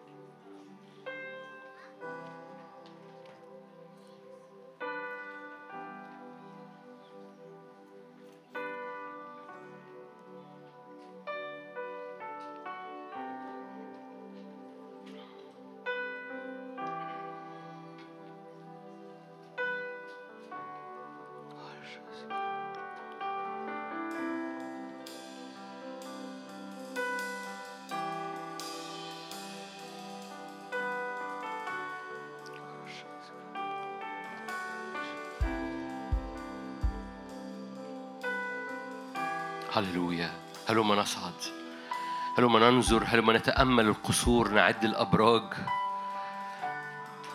طوفوا بها عدوا أبراجها تأملوا قصورها. زينة الملك. هلما فأريك عروس الخروف. ورأيت مدينة عظيمة نازلة من السماء. بنرحب بنرحب بالمدينة بنرحب بمجدك بنرحب بحضورك بنرحب بإدراك إنه الجسد العروس العشيرة كلها بتسمى باسمك أيها الآب. منه تسمى كل عشيرة في السماء والأرض. هللويا مجدا مجدا مجدا مجدا مجدا مجدا. بنرحب بنرحب. بنرحب بإدراك إن العروس. بنرحب بإدراك الجسد وإدراك المدينة. بنرحب بإدراك الجبل. هللويا. هلما نصعد إلى هذا الجبل. طوفوا بها عدوا أبراجها تأملوا قصورها. ملقانة قوة لنا مدينة قوية. فاطرح عنك الإنعزالية اطرح عنك إحساس إنك لوحدك اطرح عنك كل مشاعر مرارة. هذه اللحظات اطرح عنك من فضلك كل أحاسيس كده. باسم رب بال- بالهزال بالضعف بعدم الأمان. لو حصل حاجة هيحصل لي إيه؟ كأنه الهجوم اللي هيحصل هيستفرد بيك. العدو لن يستفرد بيك الاختبار الجماعي في الأرض لن يستفرد بيك. لو أنت في المدينة لو أنت في هذه العروس المجيدة لو أنت في عشيرة اعلن معايا العدو لن يستفرد بيا. هللويا. أنت مش مهدد إلا لو أنت لوحدك. إحنا بنعلن مع بعض مش لوحدينا وإحنا مش مش لوحدينا عشان إحنا كده مع بعض لا عشان في جسد كبير وفي عروس مجيدة وفي هللويا مستند على ذراع حبيبها. طارحين كل انعزالية طارحين كل انحصار أناني في المسحة وفي طارحين كل هللويا. أنا وبعد الطوفان باسم الرب يسوع أعلن كده إنه عشيرتك عشيرة قديمة عشيرتك بادية من أيام إبراهيم ومكملة إلى مجيء ربنا يسوع المسيح. دي العشيرة بتاعتك. أنت قديم قوي وعيلتك قديمة قوي ومليانة مجد ومليانة أبطال ومليانة أصحاب ومليانة سلطان ومليانة أبطال على مدار السنين. لن يكملوا بدوننا لن يكملوا بدوننا. إبراهيم لن يكمل بدوننا. موسى لن يكمل بدوننا. داود لن يكمل بدوننا. ونحن لن نكمل بدون آخرين. باسم الرب يسوع اعلن معايا عيلة قوية مجيدة. عشيرة قوية. بتصرخ آبا الآب. كل خلية فينا بتصرخ آبا الآب. من فضلك كده خرج ال... خرج الأسوار اللي اتحطت حوالين اختبارك و... وضعفك وحياتك وبيتك. وقع الأسوار دي. قول أنا في مدينة قوية. لنا مدينة قوية. الخلاص فيها أسوار ومترسة. أنا حجارة حية في سور قوي جدا. في مدينة قوية جدا. باسم الرب يسوع. هللويا. تنكسر الانعزالية ينكسر الخوف تنكسر المرارة تنكسر مخاوف إن يستفرد بيك العدو والظروف تستفرد بيك وتمر لوحدك باسم الرب يسوع. المسحة تحفظك. المسحة الجماعية تحفظك. القوة الجماعية الشفاء الجماعي يحفظك. فالشفاء الجماعي يحفظ جسدك والشفاء الجماعي يحفظ نفسيتك ونفسية بيتك. كوز الزيت لن يفرغ. كيلة الدقيق لن تنقص. هللويا. أنت وأهل بيتك تعبدوا الرب. نسلك ونسل نسلك. يعبد الرب.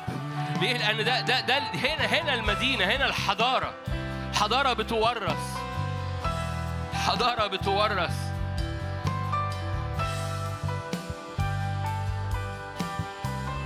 هللويا.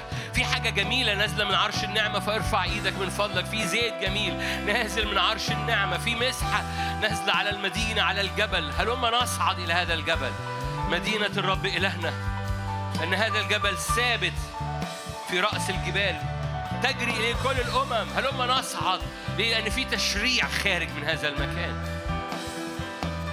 اطبعوا سكاتكم. اطبعوا سياف سيوفكم سكك. رماحكم مناجل. تحول من الصراعات اللي تحت إلى حصاد من فوق. رب يحول الحرب اللي حاصلة تحت الجبل إلى حصاد فوق. يهتفوا ساعتين يقولوا أرطميس أرطميس أرطميس. من فوق الدنيا مختلفة. من جبل الرب الدنيا مختلفة. يقعدوا ساعتين يقولوا أرطميس يقولوا كورونا يقولوا أيا كان اللي هيقولوه.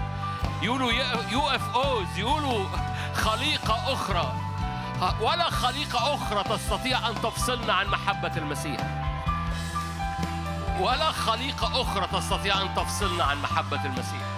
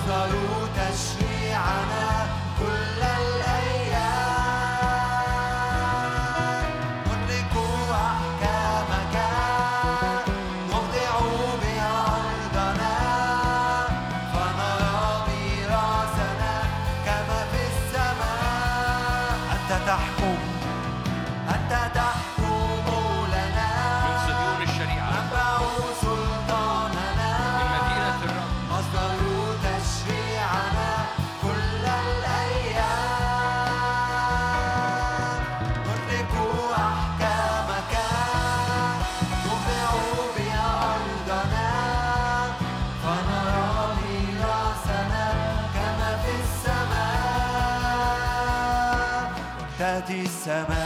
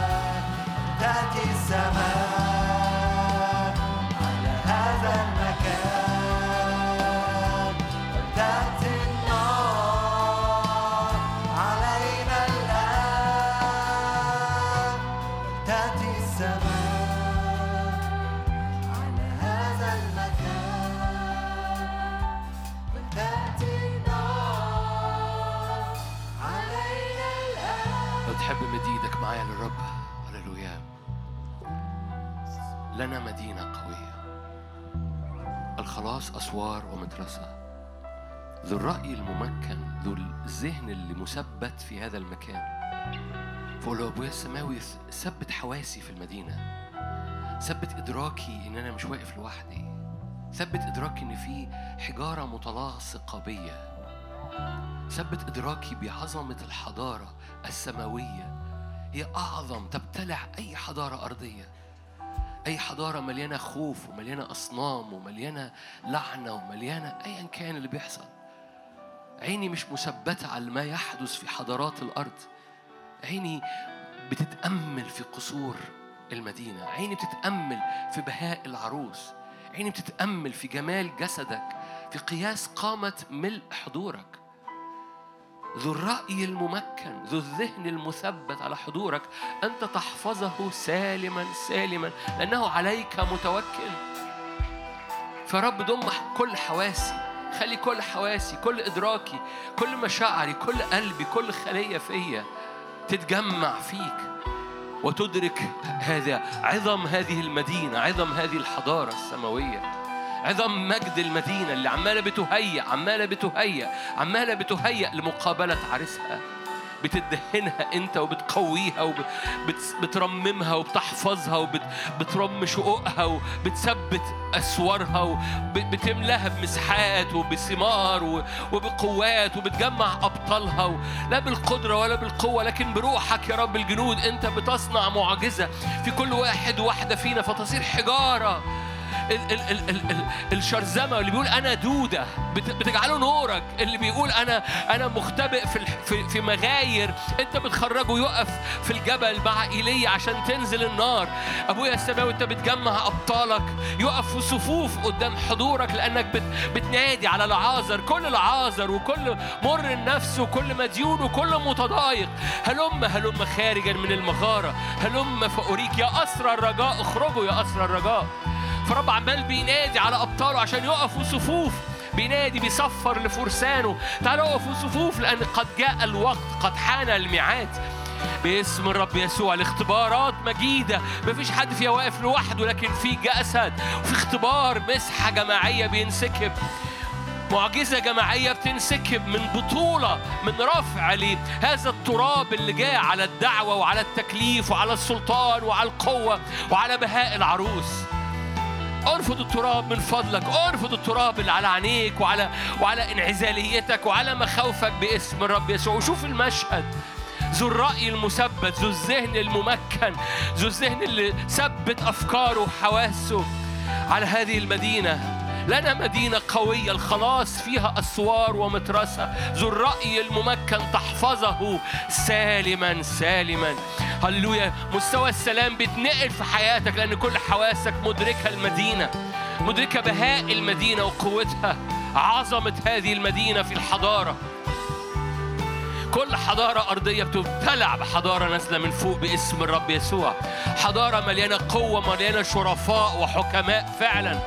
مش كلام مش ترنيمة لكن إعلان بينور جوه روحك إن نفسيتك بتتنفض.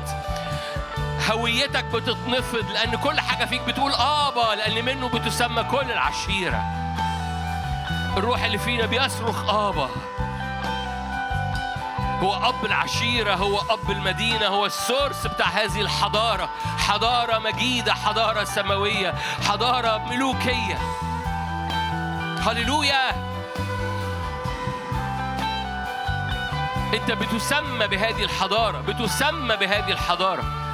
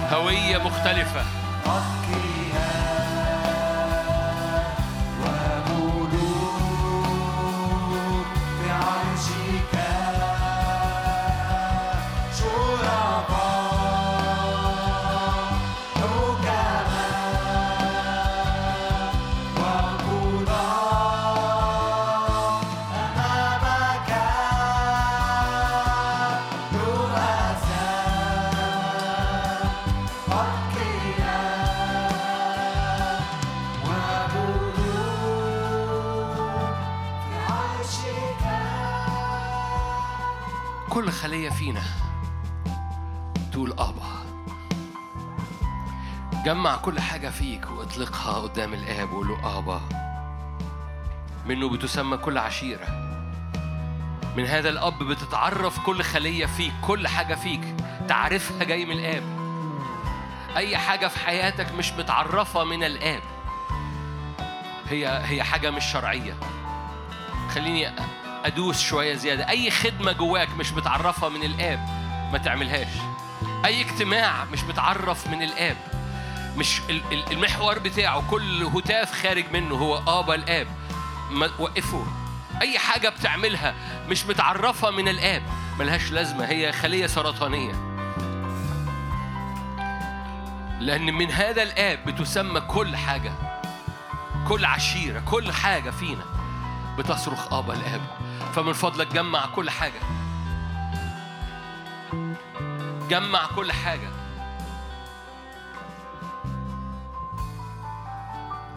عرف كل حاجة في حياتك. قدمها قدام آبا. ليكن جينات الآب في كل ما تمتد اليه أيادينا. ليكن مجد الآب في كل ما تمتد اليه ايدينا لأن ده ختم الحضارة بتاعتك. كل حضارة كان ليها اقتصاد وكل اقتصاد كان بيحطوا عليه ختم بتاع قيصر هذه الحضارة. العملة اللي بتتحرك في الحضارة. مختوم عليها ختم قيصر هذه الحضارة. العملة اللي بتتحرك في حضارة السماوات مخ- مختوم عليها ختم أبا. لأن منه بتسمى كل العشيرة. منه بتسمى كل خلية. كل فكرة كل مشاعر كل علاقات كل خدمات كل اجتماعات. لو أنت اتلخبطت تقول طب أنا مش عارف هو أنا اللي أنا بعمله ده مجرد قدم مجرد جيبه جمعه قدمه حطه على المسبح قول له ابا الاب لتنزل نارك. لتنزل نارك. لتنزل نارك. أنا عايز كل حاجة في حياتي تتعرف منك. كل حاجة في حياتي لما لما تأتي النار تصرخ آبا.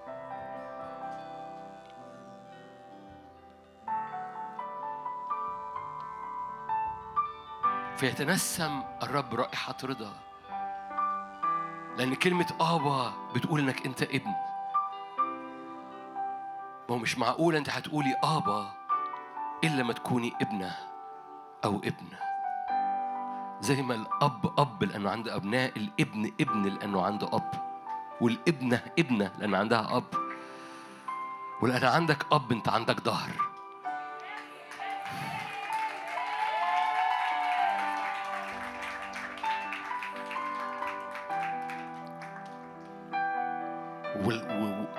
هذه الحضارة بيقف في ظهرك. لأن الحضارة كلها مدينة قوية عروس مهابة. غير متروك. خدمتك غير متروكة. خدمتك مش مهددة. وانت في أوضتك وانت في محافظتك مش مهدد. مش مهدد. مش عارف ليه برضو احساسي إن في في ناس تشعر بالتهديد. مش مهدد.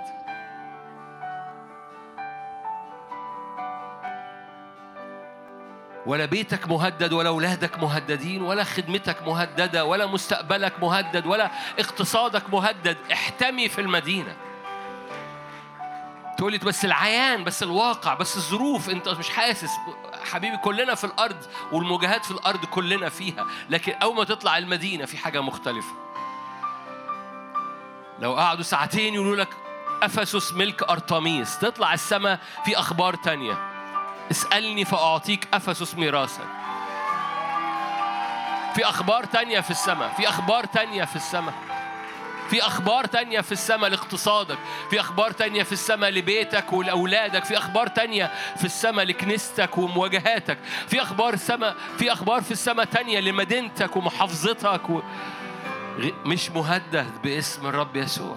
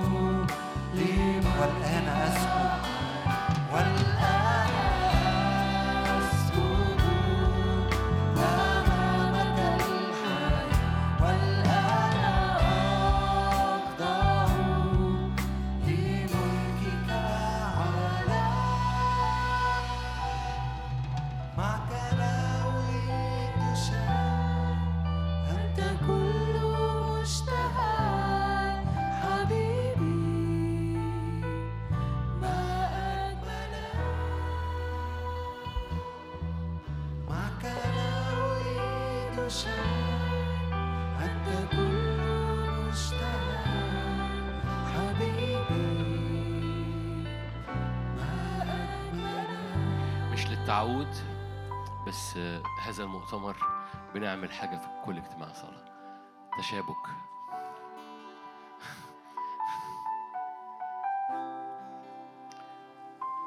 relaxed بطريقة relaxed مش بطريقة منهكة. تشابك.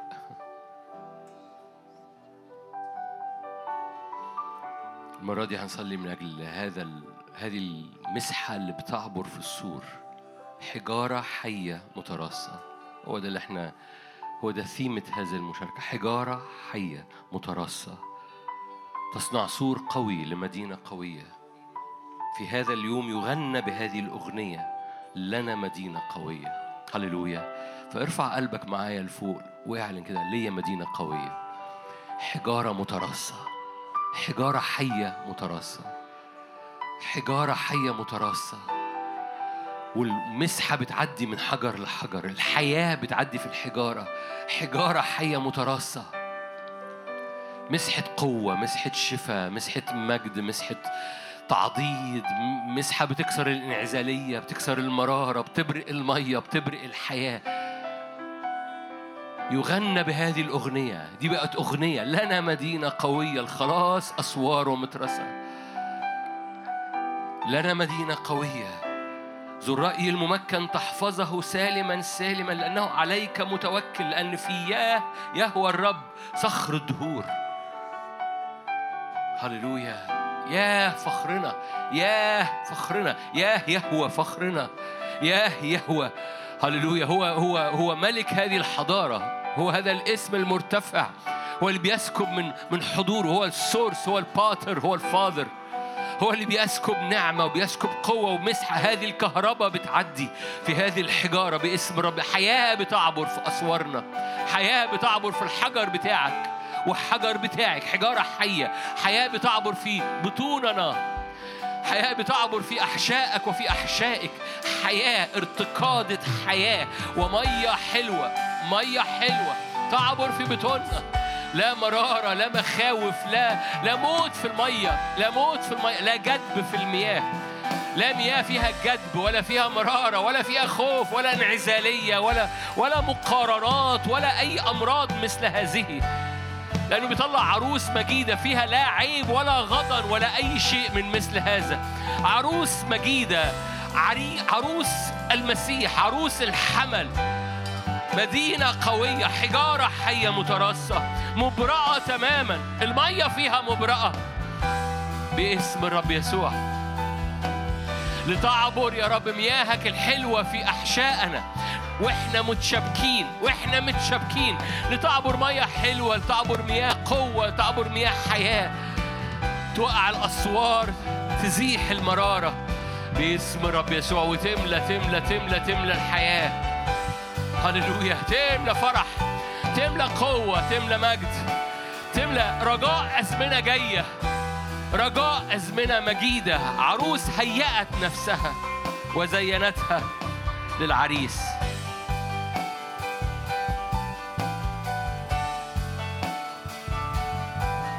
هللويا.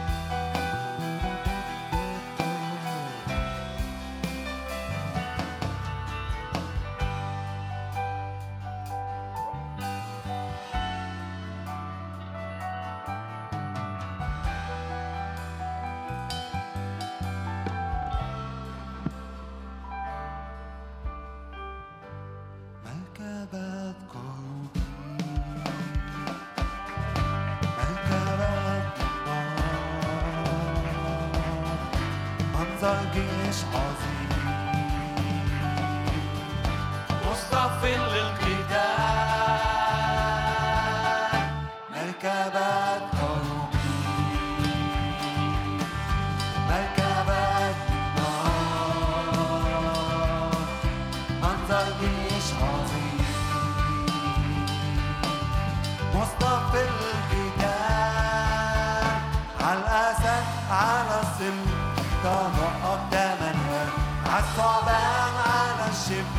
تدوس قدامنا على الأسد على السم طبق قدامنا على الأسد على الشب تدوس قدامنا أزمنة حصاد بسيط أنهض أبطالك أنهض أبطالك أقم جيش عظيم